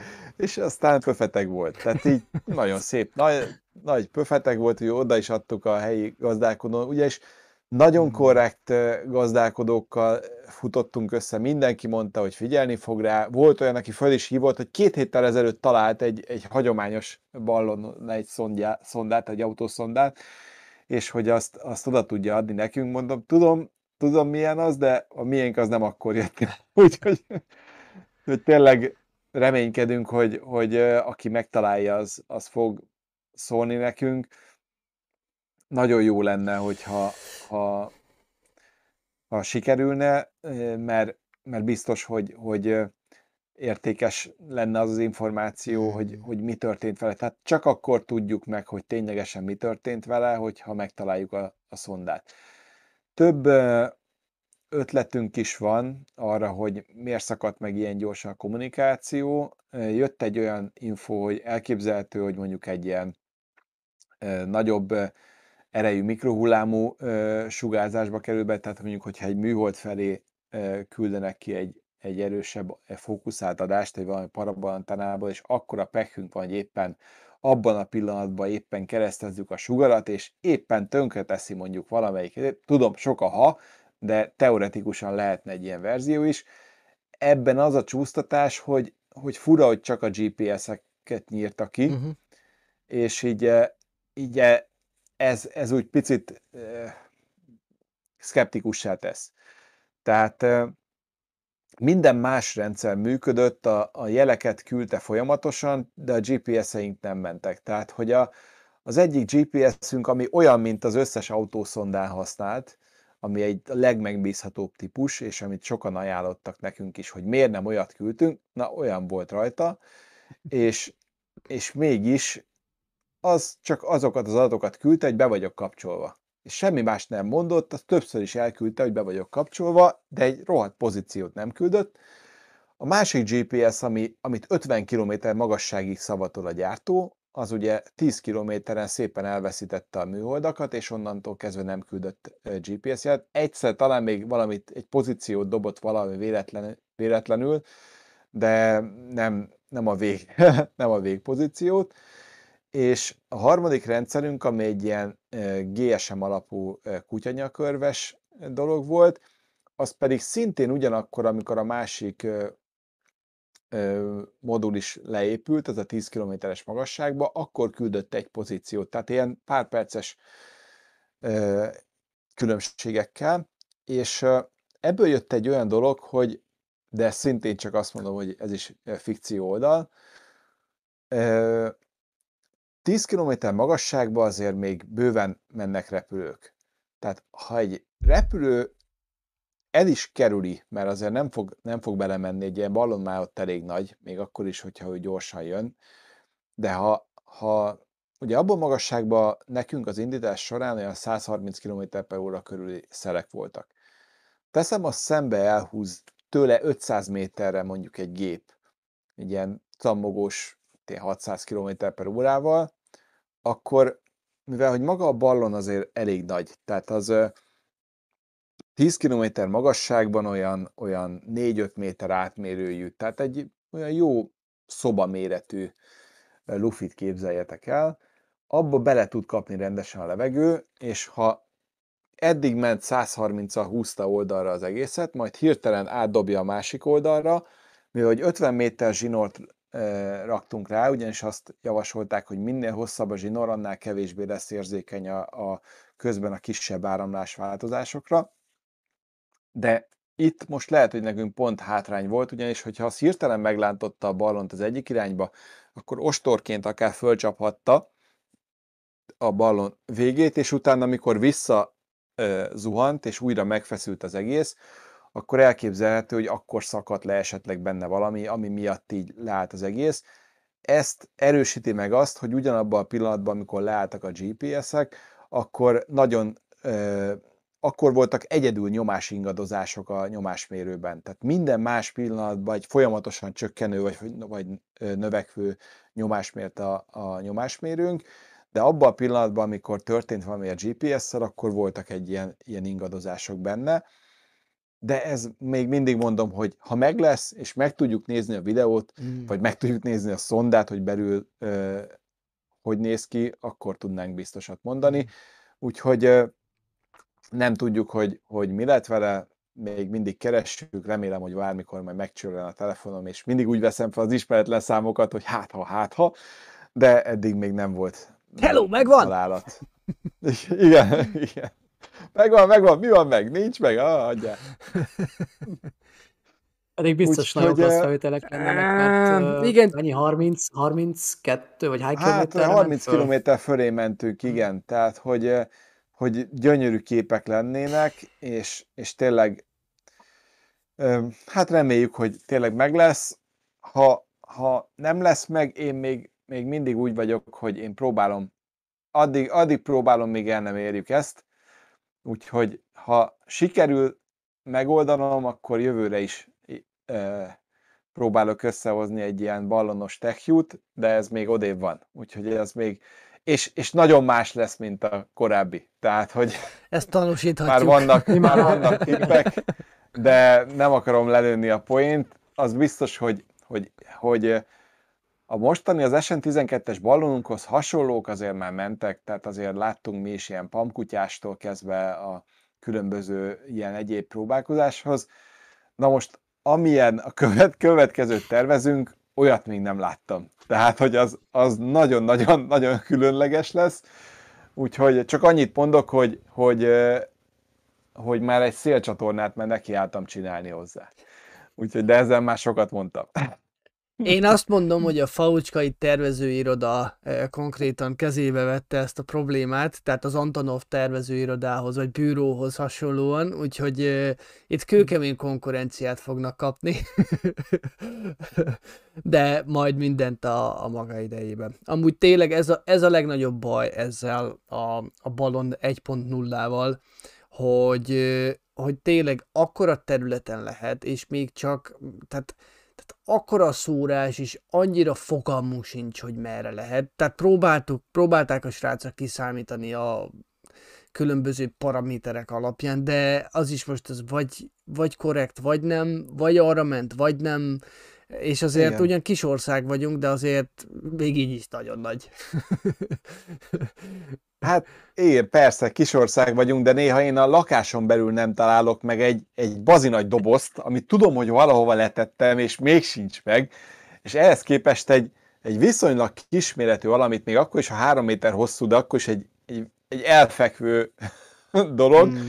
azt megtalálni néhány négyzetkilométeren nagyon nagy mázi kell hozzá. Ja, ja, ja, Tehát ja. tényleg milliószor van, hogy olyan, olyan dolgokat találnak emberek, amik ott vannak akár 20-30 éve, és senki nem vette észre. Például akár egy fa tetején, ha fennakad. Uh-huh. Még a túrázó se biztos, hogy úgy megy, hogy így folyamatosan fölfele néz, és akkor keresi, hogy van Igen. fent valami. Igen. Tehát igen. teljesen véletlen, De még ha most ki is kiszúrod, szúrja, de... akkor is, tehát ha fa tetején van, most nem fogja azt, de ú, az biztos egy szonda. És biztos, igen, igen. keresik is. Lehet, hogy azt hiszi, hogy csak valami kukászsákot fel. Repülőpöf, Felfújt valami. pöffeteg, vagy valami ilyesmi, nem tudom. Jó, mindegy. Hát igen, majd, Úgyhogy- majd meglátjuk, hogy ez hova alakul. E, Abszolút a szerencse kezében vagyunk. Én még azt is el tudnám képzelni, hogy két év múlva előkerül, vagy öt év múlva előkerül, és Hát Bármi lehet. tudjuk, Az biztos, lehet hogy- használni. Hogy, ja, hogy maga a, a rögzített felvételek, azok évek múlva is ott lesznek benne. uh-huh. Reméljük, hogy a, be, a benne lévő rendszerek addig nem teszik tönkre esetleg. Nem tudom, tehát, hogy így, ja. mivel hogy nem tudjuk, hogy hogy érkezett rá, én ezért is mondtam, hogy persze, jaj, még erről egy pár szót kell mondanom. Tehát amikor látja az ember azokat a kommenteket, hogy, hogy írtuk, hogy ne nyissátok ki, mert hogy veszélyes. És ezt nem azért írjuk, mert urániummal van tele, vagy a, a nagymama kiselejtezett DDT-jét beleszórtuk azért hobbiból, hanem azért, mert nem tudjuk, hogy mi történt vele, és alapvetően az, hogyha valaki fogja és egy bicskával belevág akár egy, egy hagyományos lemerült lítium elembe is, az se biztos, hogy egy szerencsés dolog. Tehát, hogy, hogy sokkal jobb az, hogyha tényleg, ha bárki megtalálja, inkább szóljon, komolyan mondom, nem, nem fogja, ö, tehát nem, nem leszünk ilyen szempontból ö, hálátlanok, hogyha ha, ha szólnak, bármi, nagyon szívesen ö, beszélünk róla, csak ne bontsa ki. Tehát, hogy a, ha már szétszincált valamiből, nekünk se lesz infónk, és lehet, hogy ráadásul az egész dolgot tönkreteheti, amiket, amiket rögzített, vagy az egész rendszert úgy, ahogy van gajra vághatja, már pedig ebből még azért lehetne használni dolgokat. Úgyhogy tényleg azt mondom, hogy, hogy ha bárkit ismertek, vagy bárki megtalálja, akkor inkább szóljon, és, és inkább mi nyissuk ki azt, mint sem, hogy egy szétszincált valamit kapjunk. Hmm. De ha most átment rajta valaki a traktorral, attól még hívjon fel, mert hát amíg akkor is megtalálok benne egy SD-kártyát, tehát hogy valamit. Hát így. Úgyhogy... Én nem, akarok, Jó, én, én nem akarok spekulálni, csak hogy lezárjuk, de én nekem van egy olyan érzésem egyébként, hogy a SpaceX saját maga akarta eljutatni a a Starship prototípust ilyen ja, magasságban, és szerintem mint egy óriási szabatás történt egyébként a SpaceX részéről. Igen, és ha megtalálnak a videót, azt látnák, hogy egy ilyen SNX az éppen így beáll el, és kiszedi a dolgokat. Vagy Musk izéje, privát jetje, az szépen ott elkezd körbe-körbe. Na jó, oké. Okay. Igen. Uh, okay. De ha már privát jet, ha már privát jet, akkor szerintem... Akkor a privát, privát szférába is áttérhetünk. Másszunk bele. Egy, ha már Erdélye volt az előző téma, akkor egy Erdélyehez hasonló kis, kis videót készítettem nektek, amivel felkészíthetitek a család többi tagját, a, a fiatalabb tagjait a, a, a távozásra. Úgyhogy nem is azért, mert most feltétlenül e, úgy fogunk beszélni, vagy annyira felkavaró dolgok lesznek, de hát akkor azért mégiscsak, ha gólya hozza, akkor gólya hozza. Úgyhogy ne, ne kavarjuk már így bele semmit. Én Úgyhogy csak, Szabi esetleg a én kis... Csak felkészülök egy pillanat, még egy darab fotó van. X18-as már bent van, videó, már kint van, már lement, azt... már lement. Ja, már megy ja, be? Ja, ja, Jó. már lement. Okay. Aha. Én már teljesen másokat látok, de... Let's talk about SpaceX. de ez se rossz. Jó, oké. Okay. Melyik volt az a... A Payne-nek volt a, a szex vajon mi, vagy mi volt ez a igen, igen, igen, fantasztikus igen. 90-es évekbeli szám, azt kéne betenni ugye az egész videó alá, és akkor a, így a szex majom ki. Igen. Az már a Honamirigynek a, az átirata, igen. Jó, oké. Okay. Na, akkor szerintem kezdjük is el. Szóltak hozzá. Na, szóval akkor a záró akkordba, itt a szex az űrbenről lesz szó. A záró ami... aktus. a záró aktus. Ami alapvetően egy egy érdekes téma is, de, de egy csúsztatás is. Ugyanis nem, nem az űr az, amivel igazán gond van, és nem is a, a szex, hanem a súlytalanság és a szex.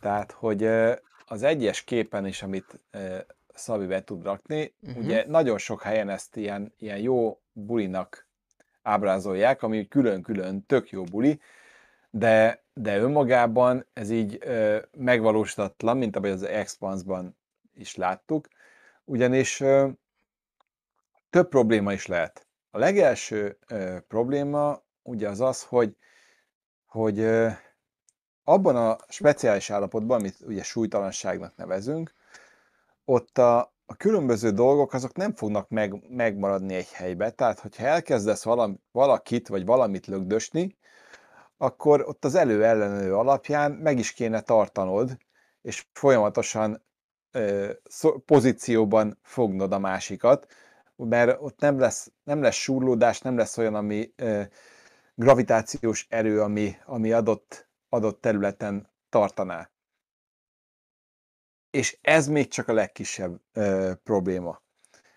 A második gond azon kívül, hogy jó, persze, akkor fogod, és valahogy ilyen bondage módszerekkel egymáshoz kötözitek egymást, vagy hálózsák, vagy stb és akkor megoldják az emberek, mert kreatívak az emberek. Igen ám, de a második probléma ott lenne, hogy mivel hogy nincs gravitáció, így a bármilyen izzadságcsepp, ami rajtad képződik, az vagy a bőrödhöz tapadva ö, ott maradna a felületi feszültség miatt, vagy ott lebegne körülötted, és Mm. mindegy ilyen kis vizes burkot képezve egy idő után.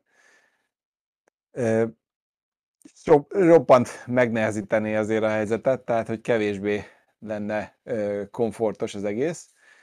És mindehez még hozzájön az is, hogy a súlytalanságban a szíved észreveszi, hogy hát ide most mi a francnak akkora nyomás, itt viszonylag könnyű keringetni a vért, így visszaveszi magát takarékra, Márpedig, ha nincs megfelelő vér, vérnyomásod, akkor a megadott szerszámok se biztos, hogy annyira megfelelő konzisztenciát érnének el, illetve megfelelő pozícióba tudnának helyezkedni, és, és ez nem csak a, a férfiaknál, hanem a nőknél is ugyanilyen ilyen probléma lenne.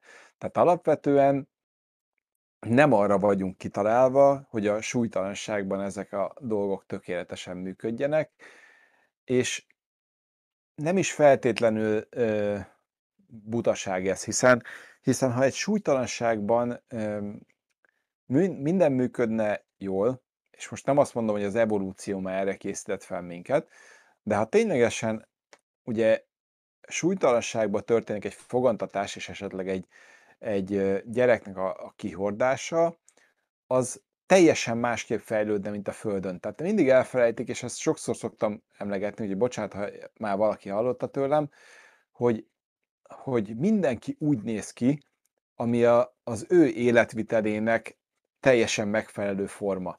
Most én nem azt mondom, hogy a, mit a szemölcs az ember hátán az azért van, mert oda kell, de alapvetően a testednek a, a tested az mindig próbál alkalmazkodni a környezetedhez. Tehát, ha valaki súlytalanságba születik, nő fel, tehát ott, ott fogan, ott fejlődik ki, az sok mindenre fog has, tehát hasonlítani fog a, a szüleire, de egy teljesen más irányt fog felvenni, hiszen nem kap akkora hatásokat, nem éri a, a gravitáció, ami számunkra egy megszokott dolog, de ha, ha az űrben fogantunk volna, és ez most tényleg a, most megint vissza lehet utalni akkor az x hogy, hogy az, az űrben született, felnőtt, élő emberhez hasonló emberek, azok képtelenek lennének a, a Földön ö, ugyanúgy alkalmazkodni, ha csak nem külön trenírozzák folyamatosan magukat erre a, a környezetre. Ez egy nagyon-nagyon megterhelő lenne számukra, és, és fenntartani egy, egy, ilyen, egy ilyen tréninget, az szintén nehézkes. Tehát, hogy nagy eséllyel az lenne, és ez egyébként várható is, hogy onnantól kezdve, hogy ha elhagyjuk ugye a Föld, Földnek a vonzás körzetét, és, és eltávolodunk a, a Földtől, és akár kisebb gravitációval, például Holdon vagy a Marson lesznek kolóniák, akkor teljesen más csontozattal fognak fejlődni emberek, sokkal vékonyabb csontozattal, és egy idő után nem azt mondom, hogy első, vagy tizedik, vagy huszadik, vagy x generáció, de egyre inkább azok a gének fognak előkerülni, amik esetleg a Földön egy teljesen hasztalan vagy elnyomt, elnyomott funkciók. Így Evolúció. jó kérdés lesz, hogy meddig lesz ember még az ember onnantól Mhm. kezdve, hogy eltávolodik. De most mi a témától távolodtunk el. Hmm. Szóval- egy pillanat, csak Szürke írta, hogy, hogy igen, hogy itt kezdődik a probléma. A gerinc kialakulásához az úgynevezett csövesedése nem menne végbe a súlytalanságban, azaz nyitott gerincsel születne. Igen. Nyitott, tehát ilyen, most mondanám azt, hogy ez probléma, Példa. ez a Földön probléma egyébként. Tehát, hogy, eh, hogy ha ténylegesen ő soha nem kerülne vissza a Földre, akkor ez számára nem, nem kell, tehát nem, nem akkora funkció, mint a, mint a, mint a Földön. Ugyanúgy, hogy ö, nagy eséllyel a, a minél kisebb a gravitáció, vagy akár nincs, ugye annál nagyobb eséllyel jönne elő az, hogy, hogy császármetszéssel szülnének inkább, mert nem tudna befordulni a magzat, nem tudná, hogy hova kell befordulnia. A, a bőrszín is megváltozna az idők során, ugye a maga a napnak a besugárzása miatt, a napfénye miatt, ugye a csontozat az teljesen minimális lenne, és akkor itt ugye, amit mondta, hogy teljesen más irányba mehet. De visszatérve a, a, a súlytalansághoz, ugye a, maga a hormonszintek is ugyanúgy ö, csökkennek, de erről már ugye volt egy külön adás, amit a gravitáció témájában. Úgyhogy ö, nem, nem igazán ez a ö, ilyen téren nem az a felizgató állapot a, a súlytalanság, és az, hogy ö, jön megint az, hogy vajon ezzel kísérleteztek-e hogy ez mégis megvalósítható, meg hogyan valósítható, mert, mert több helyen is lehet olvasni, hogy mint gekkókat, patkányokat, stb. ezeket próbáltak már uh-huh. ö, párosztatni azért a, a, az űrben, kisebb-nagyobb sikerekkel. Hivatalosan erről nincsen ö, NASA, vagy bármilyen dokumentált rész. Egyik oldalról egyik űrhivatalnak, egyik cégnek sem érdeke az, hogy csak kvázi szórakozni menjenek föl, a, hmm. föl az emberek vagy párok, sőt kifejezetten kerülik azt, hogyha hogy mondjuk házas párokat vagy, vagy párokat küldjenek egy, egy küldetésre. Azt hiszem összesen egy olyan eset volt, amikor ténylegesen egy házas párt küldtek fel, és az is, ami kvázi véletlenül alakult így. Mindezek mellett azért, azért vannak olyan fotók, amiket Szabi is már lakosgat be, amik úgy azért kicsit az a barátságon túli ö, pillanatokat mutatnak meg, de, de nincs, nincs dokumentált ö, ö, nyoma annak, hmm. hogy, hogy valaha is Volt történt ilyen kérdés egyébként, hogy, hogy volt-e már... Bármilyen, bármilyen hmm. ilyen ö, dolog. Nem tudunk róla, mondjuk úgy. Ilyen... Hivatalos info nincs. Hivatalosan nem tudjuk. Igen. Lehet találni ilyen, ilyen kamu NASA jelentéseket, az a 12 571 35 70-esbe én is belefutottam, amik vizsgálják, hogy hányfajta poszt próbáltak ki az űrbe, és akkor melyiknek mi a hátránya, meg hogy milyen nehéz volt együtt tartaniuk egymást, miközben eljutottak a csúcsra, ezek, ezek mind, mind hoaxok. Tehát előbb-utóbb rákeresel négy-öt helyen, és aztán kijön, hogy ja, igen, ezt valaki beblöffölte. Tehát, hogy nincs, nincs ilyen. Tehát, ami ténylegesen lenne írva. Persze, ember az ember, azért nem egyszerű elbújni egy, egy űrállomáson, tehát azért uh-huh. a, a, az ISS az nagy, de nem annyira nagy, hogy most ott bármilyen sarokba el tudnál hmm. Biztosan lehet kreatívoskodni, meg, meg hosszú, hosszú volt az idő, meg stb. Tehát kimagyarázni is ki lehetne sok mindent, de én azt mondanám, hogy, hogy ennek ott lesz majd inkább szerep, amikor, amikor ténylegesen akár egy mesterséges gravitáció, vagy egy tényleges gravitációban. Például a Holdon egy teljesen élvezetes dolog lenne olyan szempontból, hogy ugye egy hatott gravitációt simán átfordítod, ide rakod, oda rakod. Annyi gravitáció már van, hogy azért ne repüljön el a, a szomszéd farig a legkisebb lö- lökéstől. Figyelj, Andi az előbb jól még... megírta, hogy a kikötözős játék szerelmesének egy mennyország lenne az űrben szexelés, hogyha ja, ki kell igen, kötözni igen, igen, igen, igen, igen. Tehát, hogy de mondom, hogy az a része, van egy nagyon érdekes könyv egyébként, ami ezt is, hát nem ezt is pedzegeti, ez a Andy Weiss-nek azt hiszem, jól, jól ejtem, a Artemis nevezetű könyve. A,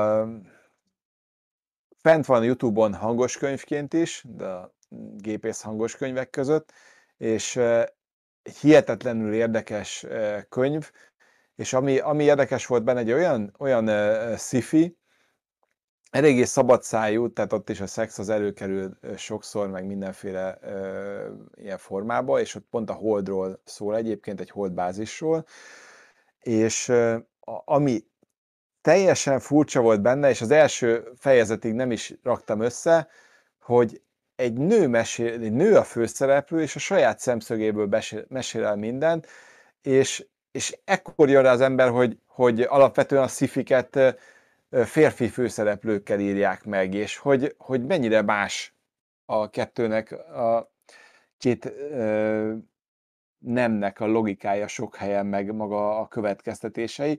Nem, és az egyik nemet sem akarom most leszólni, csak egyszer más, más a felépítése a regénynek, de érdekes, tehát nekem kifejezetten tetszik, tehát mondom, ez az Artemisra gondoljátok, keresetek rá, és ott is, ott is kitérnek egyébként pár ilyen, ilyen szex témára. Úgyhogy érdekes és egyébként. roppant érdekes. Bocsánat, ja nem, bocsánat, aztán befejezted. Mondd.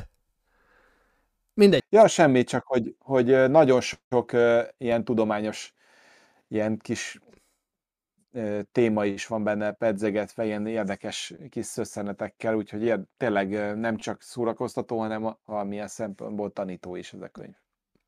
Vorus írja, hogy, hogy na majd, ha az űrturizmus beindul, abszolút egyetértek vele. Én szerintem, én szerintem tehát ugye beszéltünk erről a legutóbbi uh, MaxQ adásunkban is, valamint ugye beszéltünk róla az Inspiration 4 küldetés alatt is, hogy ez mekkora dolog, és biztos vagyok benne, hogyha itt az űrturizmus egy kicsit jobban beindul, tehát am, am, am, amire célzunk, hogy nem olyan emberek jutnak fel az űrbe csak, akik, akik hogy mondják, a disziplin, tehát hogy tudnak, tehát nincsenek kilen, nincs, igen?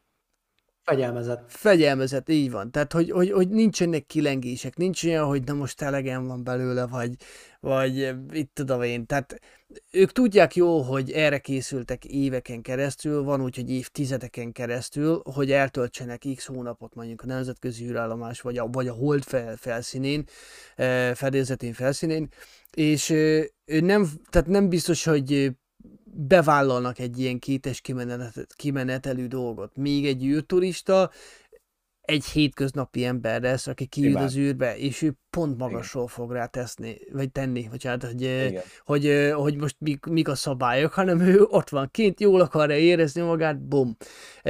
Igen. És az azért az látszik, hogy itt, tehát, hogy nem, tehát nem az a baj, hogy most lehet-e vagy nem lehet az űrben e, szexuális tevékenységet folytatni. Lehet. Csak egyrészt, egy, egyrészt nem könnyű, másrészt meg ugye pont írta azt, még az előbb szürke, a másik probléma lehet az ugye, hogy ami, hogy ami mikrogravitáció mellett bejut, az magától nem fog kijönni, mint a Földön, ennek súlyos egészségügyi következményei lehetnek. Tehát ami teljesen nyilvánvaló, hogy az emberi szervezet az, az a több év tízezres evolúció, vagy, vagy több évszázados, vagy nem is tudom, na, iszonyat sok idő alatt fejlődtünk ilyenné. Alkalmazkodtunk ehhez a környezethez, itt érezzük magunkat jól, és, és legyen az... Itt működünk jól. Így van. Ez az optimális életterünk. És hogyha ebből kiveszed az embert, bármelyik más környezetbe teszed, ugye azt, azt tudjuk jó, hogy akik felmennek a nemzetközi űrállomásra, vagy kijutnak az űrbe, az első perctől kezdve a szervezeted elkezd alkalmazkodni, és ez egy jó dolog, mert hogyha megsérülsz mondjuk itt a Földön, mondjuk elveszted a hallásod, akkor a látásod válik élesebbé, vagy, vagy egy csomó olyan dolog történik, ami, ami, ami, ami tehát ez egy jó dolog, viszont az űrben ez kifejezetten rossz dolog. Hát igen, de azért előbb-utóbb Hát nem is sláger téma, de mindenképp, hogyha az űrturizmus most így uh-huh. nem is a mi életünkben, nem mondjuk pár generációval később így ennyire mondjuk felerősödik, vagy, vagy intenzívebbé válik, akkor tényleg megkerülhetetlen téma lesz.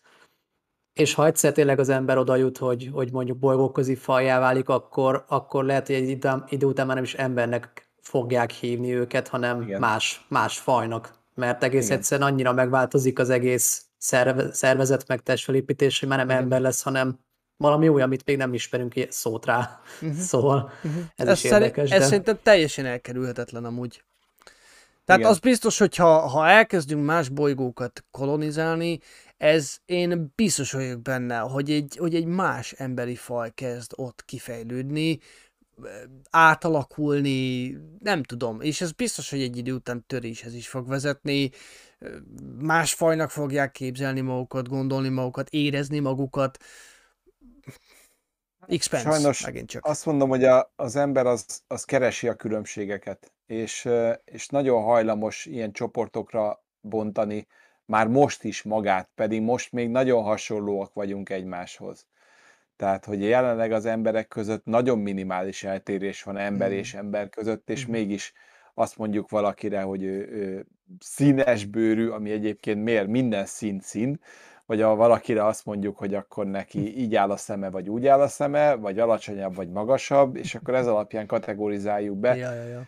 Holott azt is láthatnánk, hogy, hogy több bennünk a közös, mint a különbség. Tehát, hogy így, így, így ténylegesen az, tehát volt maga a homo sapiens párhuzamosan is nagyon sok ember szabású faj létedett, ugye Neandervölgyitől kezdve, és, és azok is, hát most erről is megoszlanak a vélemények, hogy, hogy eltűntek, kihaltak, vagy egyszerűen kiírtotta a homo sapiens, mert ott is egy, egy különbséget látott bennük, egy, egy valamilyen konkurenciát, és, mm. és egyszerűen el, elvette az életterüket, vagy csak simán ö, megölte őket. Nem tudjuk, de sajnos az, az, az viszont látható, hogy, hogy nagyon könnyen nyitott az emberi faj arra, hogy, hogy ö, ö, konfliktust szüljön akár csak egy ilyen, ilyen apró, e, apró beltérések alapján is. Mm. Úgyhogy mm. még itt a, a, a végére én, jaj, tényleg, a végére akarok megemlíteni két dolgot. Egyik az, hogy, hogy igen, én is olvastam arról, hogy ilyen X, X és Y-nak nevezzük őket, két ilyen pornósztár is szintén beharangozta, hogy akkor űrhajós ruhába voltak ilyen jó kis fotók, hogy akkor mennek, és akkor majd leforgatják az első valamit, és milyen nagy valami lesz. Nem, nem futottam még bele, nem mintha külön le, le, ezért töltögettek volna le ilyesmi témájú videókat, de nem láttam, hogy lehet volna haszna, vagy ténylegesen tudományos haszna, akkor úgy mondom, vagy megvalósult volna ez a projekt, viszont bikinis fotózások megvalósultak így a, ha nem is az űrben, hanem csak ez a az olcsóbb... Zero G, igen. igen, az old, olcsóbb Zero g Szegény ember űrhajója. Megoldása, igen. Egyébként most nem azt mondom, azért ezt a fajtát is kipróbálná. Most nem, a, nem erre gondoltam. Hát most a, a repülőről. Nem maga az Azt akartam mondani. Hogy... most igen, mi, mi a tárgy? Tehát igen, az előbb, mint akkor igen, én is. Hogy, hogy azért a nőre nem mondanám azt, hogy fajtát. Tehát, hogy így. De, de érdekesek voltak itt. Próbáltam, tényleg komolyan mondom, próbáltam pasisat is találni, hogy mondom, ne legyen ennyire uh, pasi beállítottságú, de nem találtam ilyen jellegű neki között ilyen lebegő pasikat. Hát most mondjam azt, hogy a célközönsége sajnos ilyen szempontból nagyon predestinálja ezeket a, hmm. a képeket. Igen. Úgyhogy viszont ebből marha sok van, tehát ha rákerestek el ilyen 0G, ez egy bikini de akkor ebből, ebből elég sokat. Két, Nagy a, két. Upton. Igen. A képen látható hölgy szerintem elég beírni a Google-ba, hogy két Upton 0G, és szerintem elszabadul a pokol. Igen, viszont már ezen a képen is látszik, hogy ez a Csajci valószínűleg a Földön sokkal vékonyabbnak tűnne, mint az mhm. űrbe, ugyanis itt, itt a, a, akár a, a combja, akár a has rész, ez teljesen másképp terül el g mint, mint normál gravitáció mellett. Tehát, uh-huh. hogy itt sokkal vaskosabbnak tűnik, mint egyébként. Úgyhogy érdekes. Így. Nekem is nagyobb lenne a hajam. Ja, igen. Szerintem az én sapkám lenne nagyobb. az, az mindenképp. Na. Úgyhogy uh, kb. Igen. ennyivel Hát érdekes, érdekes téma, biztos vagyok benne, hogy ez, hogy, e, hogy ez biztos, hogy nagyobb figyelmet fog kapni, ahogy szépen haladunk előre, és, és, és ahogy a tervek szerint ugye az űrturizmus beindul. Az, hogy esetleg mi lenne majd egy, egy másik égitesten, ugye az, az, a, az a jövő kérdése. Biztos vagyok benne, hogy ott azért vállalkozó, kedv, vállalkozó kedvűbbek lesznek a tudósok, és, és jobban fogják engedni az, ez irányú kísérleteket, de az biztos, hogy óriási dolog lesz, óriási dolog lesz az első nem földön született ember az, az tuti, hogy az, az, az nagyon nagy figyelmet fog kapni, akárhol történjen meg. Kizártnak tartom, hogy űrben, mert az űrben az Tehát mikrogravitációban, vagy súlytalanságban ez, ez, ez szerintem ez egy butaság lenne. Tehát ez biológiailag, ez egy, nagyon, ez egy... Nagyon-nagyon leszűkíteni a Ja, lehetőségeit. ja, ja. Tehát csak azért, hogy megmutassuk, hogy na hát nem működik, mert igenis kőkemény defektek jönnek elő. Ennek nem látom értelmét egyáltalán. Meg ez, ez valahol már ilyen emberkísérlet szagú lenne. Mhm, Tehát, hogy ez igen. már Igen. több, több szempontból is Uh-huh.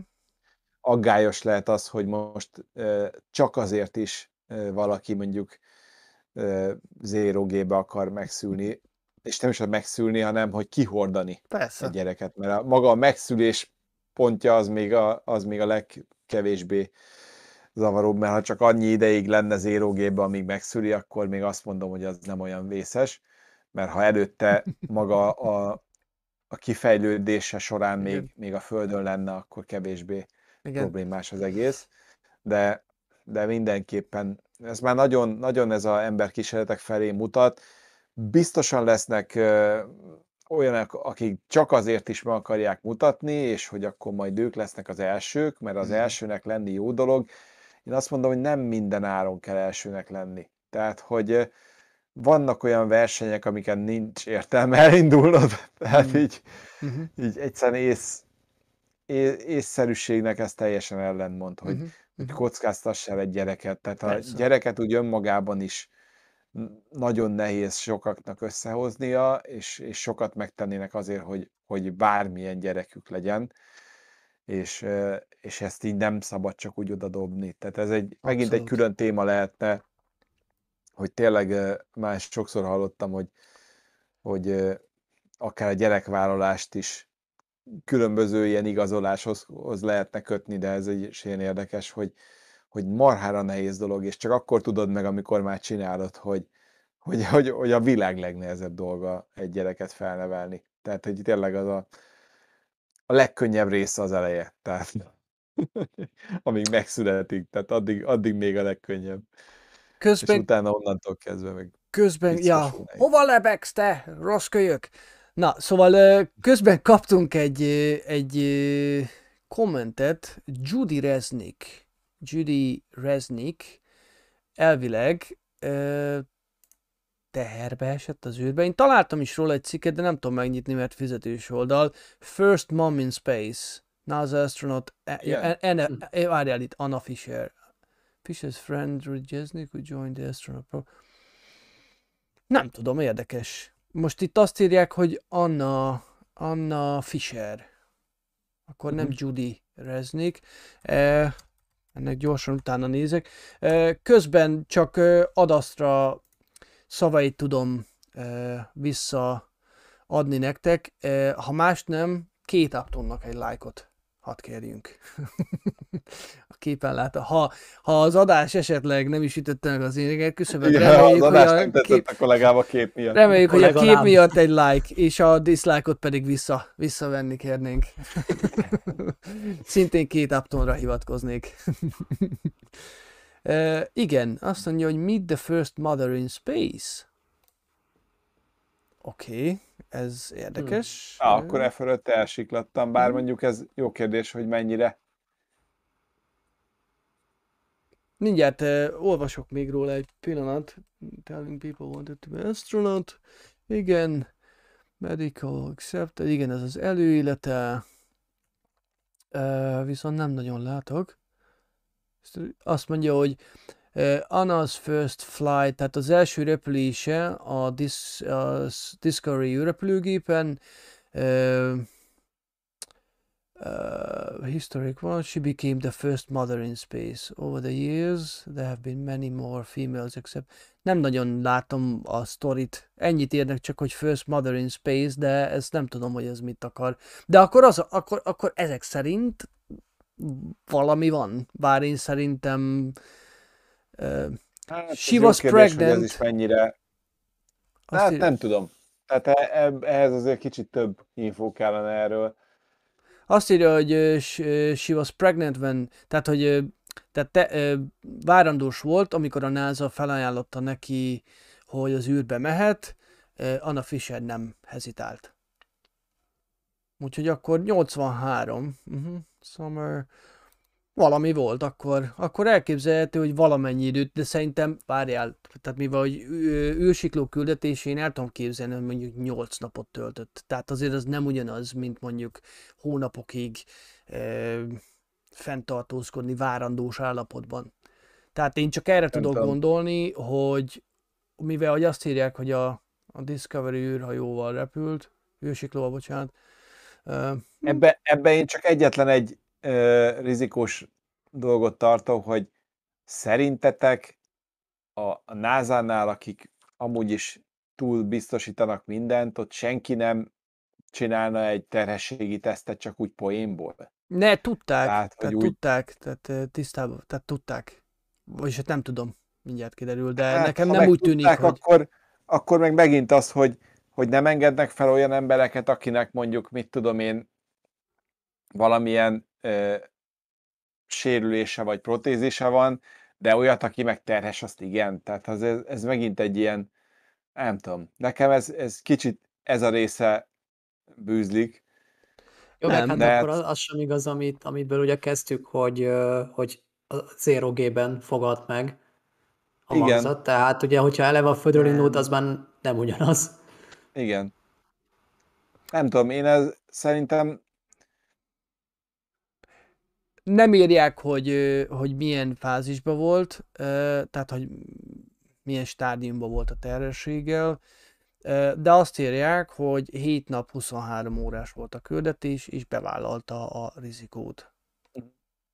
Gondolom, csak feltételezem, hogy, hogy akkor ezek szerint fel lett neki ajánlva a lehetőség, hogy, hogy visszamondja, és, és ő nem élt ezzel a lehetőséggel. De ez, ezt, ezt azért én nem feltétlenül venném kategorikusan abba a kategóriába, és abba a csoportba, hogy ez most űr, Hát mindegy, érdekességnek érdekes tehát volt te, így mellett, igen. aztán... Tehát gondolom, hogy terhesség nem korai uh, állapotában volt eltöltött. Szerintem nem engedték volna se, hogy akár, hmm. akár hányadik hétben van, de tehát, az, tehát hogy názából indulunk ki, hogy mennyi mindent nem engedtek korábban. Uh-huh. Igen.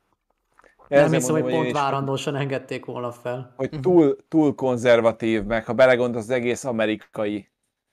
Tehát uh-huh. értem, hogy szabadság, meg minden, de de mekkora blama lenne az, hogyha mondjuk pont a, az adott űrutazás alatt vetélne el. Tehát, hogy ezért ez egy elég nagy kockázat lenne, mm, és ott nem, mm. nem biztos, hogy megfelelő orvosi seg, segítség lenne, meg minden. Tehát, hogy én emiatt sem tartom ezt így reálisnak, de hát fene se tudja.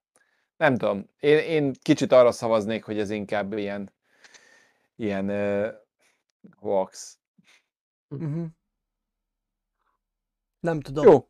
Jó, mindegy, lépjünk Nem tovább. is érdekes mm, szerintem. Persze. Na, valamit láttam, de hogyha esetleg tudtok róla, akkor akkor írjátok meg, én nem találok róla. Kicsit ellenmondásos, mert azt írják, hogy fent volt, viszont közben megírták, hogy a Challenger miatt ugye, azt hiszem két évig, két évig, másfél évig ugye nem volt indítás. Ö, ott meg egy kicsit, mintha az látszana, hogy várandós volt, bevállalta, de nem indult, mert a Challenger katasztrófa, ugye, nem tudom, mindegy. Vegyük úgy, hogy nem. Jó, mert, ja, igen. És amiket mondtatok, hát egyértelmű, hát ez óriási kockázatot jelent közben. Két attont lekeverem, mert szerintem megnéztük eléggé. Zero G-ben. igen, igen. Jó, oké. Szerintem, szerintem akkor körbejártuk a, a témát, amennyire lehet. Biztos, hogy fogunk még róla beszélni. Nem vagyok benne amúgy biztos, hogy 18-as karika kell erre a műsorra, mert, mert semmi ja, nem. nem. Tehát, Persze, csak valószínűleg nem, nem kell rá 18-as karika, tehát semmi uh-huh. olyan nem volt rajta. Nem is cél szerintem az, hogy, hogy most úgy hogy olyan, olyan műsorokat adjunk, amire feltétlenül kötelező egy ilyet kirakni. Ja, ja, ja. De, ja, ja, de úgy gondoltuk, ilyen... hogy, ez, hogy ez egy jó téma egyébként, és köszönjük Norbi hm. egyébként, hogy bevállaltad ezt is ja. önszántadból. Uh, ez ugye pont Igen, az, az, az, az egész az Inspiration Form miatt uh, jött ugye az ötlet, ugye az indításkor vetődött fel Igen. a chatben. Szóval onnan, Aki még onnan nem jött. nézte meg, azt nyugodtan nézze vissza az adást, ez nagyon jó volt, nekem tetszett. Igen, ugye, mert ugye felmerült a kérdés, hogyha két úriember és két hölgy megy föl, akkor mi lenne, ha? És akkor innen indult az ötletadás. És felrobbant a, az élő chat. És ott igen, ott kicsit elszabadultak. A, jó, jó értelemben a, elszabadult a chat, de hát nem baj. De most, ez, ez jó. Most megbeszéltük, kiveséztük kicsit a témát, de hát persze órákig lehetne erről beszélni, meg még a al témákról, de igen. Most szerintem ez már egy. Igen, igen. Jó, szerintem akkor, akkor zárhatjuk a, a mostani 14. Tech Q adásunkat. Nagyon, éve, nagyon szépen köszönjük, hogy itt voltatok velünk. Reméljük, hogy hoztunk egy pár érdekes információt. Norbinak ismételten nagyon szépen köszönjük, hogy bevállalta, és egy kis fejtágítás alávetett minket veletek együtt. Nem, ja igen, ami ilyenkor nagyon fontos, hogyha bármilyen téma érdekel benneteket, ha bármilyen témát szeretnétek, hogy esetleg Norbi átbeszéljen, érintsünk, felkaroljunk, akkor vagy nekünk írjátok meg, sőt, inkább azt mondom, hogy a spacejunkie.hu oldalon a rólunk, ugye, a rólunk rész, részben megtaláljátok Norbi e-mail címet is, de alapvetően bármelyikünknek írhat, írhattok, el fogjuk jutatni a kéréseteket. És alapvetően inspirálnánk a felé, hogy írjatok, mert, mert mi is olyan témákról akarunk inkább beszélgetni, amit, amit titeket érdekel. Leginkább. Na és végre befutott az Infinite Space. Hi guys! you just missed Kate Upton in zero G. Just go back a bit. Két Upton, yeah. Uh, jó, oké, okay, akkor uh, jelentkezünk nem sokára, nem tudjuk, hogy mikor várható a következő élőadásunk, szerintem egyelőre nincs betervezve semmi. Amit próbáltunk belengetni már pár élőadással élőadással ezelőtt is, ez a Falcon Heavy indítás, ami elvileg ö, október 9-ére lett volna esedékes, hát elég nagy a csend, úgyhogy csak ebből csak arra tudunk következtetni, hogy csúszás lesz ezzel kapcsolatban, ugye, Dávid? Hát egy-két, egy-két hír vagy tweet már azt rebesgeti, hogy október végéig halasztották, de hivatalos info nincs, és addig ugye semmi sem biztos. Uh-huh. Megint Persze akkor sem. lesz? Hát, hát reméljük nem, de most nem az van, hogy, hogy már volt egy hivatalos dátum, csak többen tippelték ezt az október 9-et, amit Szabi mondott, de hivatalosan szerintem még az sem volt soha megerősítve, szóval uh-huh. nem volt rá sem. Uh-huh. Meglátjuk. De azért jó lenne igen egy, egy Falco heavy is most már élőben közvetíteni. Mert még nem volt a mi csatornánkon egyrészt, másrészt ugye hát ez az október 9, ez álomszerű lett volna, ez egy szombati nap lett volna. Természetesen nem Lehet, hogy a következő szombatra halasztják, vagy nem, pontosan nem halasztják, hanem tőzik ki. Úgy legyen. Ja, hát a hétvég az jó lenne, igen. A profita szóljon belőled. Én pedig Talita Krista mondatát emelném ki. Köszönet a kirobbanó sikerű témákért. Ez azt hiszem megállja a helyét. Jó, oké. Nagyon szépen köszönjük, hogy itt voltatok velünk. Kövessetek minket, olvassatok minket a spacejackie.hu oldalon, iratkozzatok fel, eh, push üzenetekre esetleg, eh, hogyha nem akartok lemaradni friss, új eh, űrhírekről, iratkozzatok fel itt a csatornánkon, hogyha tetszett, amit, amit láttatok. Ha esetleg a feliratkozás gombra kattintotok, akkor ott van mellette egy kis csengő, ott a mind opciót válasszátok ki, de tudtok minket olvasni Twitteren, Facebookon, űrutazás űrhajók csoport, valamint spacejunkie.hu oldal, ez is szintén Facebookon, valamint Twitter, Instagram, és a Discord szerverünk az, amit mindig kiemelünk, egy hihetetlen jó közösség. Egyébként annak a kemény magját látjátok itt az élő chatben vinni a prémet. Nagyon örülünk neki, hogy itt vannak velünk, és aki teheti, csatlakozzon a Discord szerverünkhöz, minden linket megtaláltok ennek a videónak a leírásában, minden élőadásunk visszanézhető. Mit hagytam ki? Jó és... éjszakát! és, és a Norbi Tech Q adás, bocsánat, milyen néven van a csatorna? YouTube csatorna. Igen, Igen, van egy TechHughes YouTube csatornám, és TechHugh. oda szoktam feldobni ilyen rövidebb videókat. Uh-huh. Mondjuk most már jó régen nem volt róla, rajta videó, de majd ami késik, az közeleg. Majd meglátjuk, hogy mikor robbantok be pár újabb infót arról, hogy mi, milyen is lesz a következő ballonos projekt. Ne haragudj, Norbi, de ez a mondás a te szádból hangzik a legjobban. Ami késik, az közeleg. E, jó, oké, vigyázzatok magatokra, jó beliflopot az ágyba, e, nézzetek fel néha az égboltra, hajrá TeamSpace, hajrá Space Junkie, hajrá TechQ. Sziasztok, jó éjszakát kívánunk. Hello, hello. Jó ét, sziasztok! Sziasztok. Sziasztok!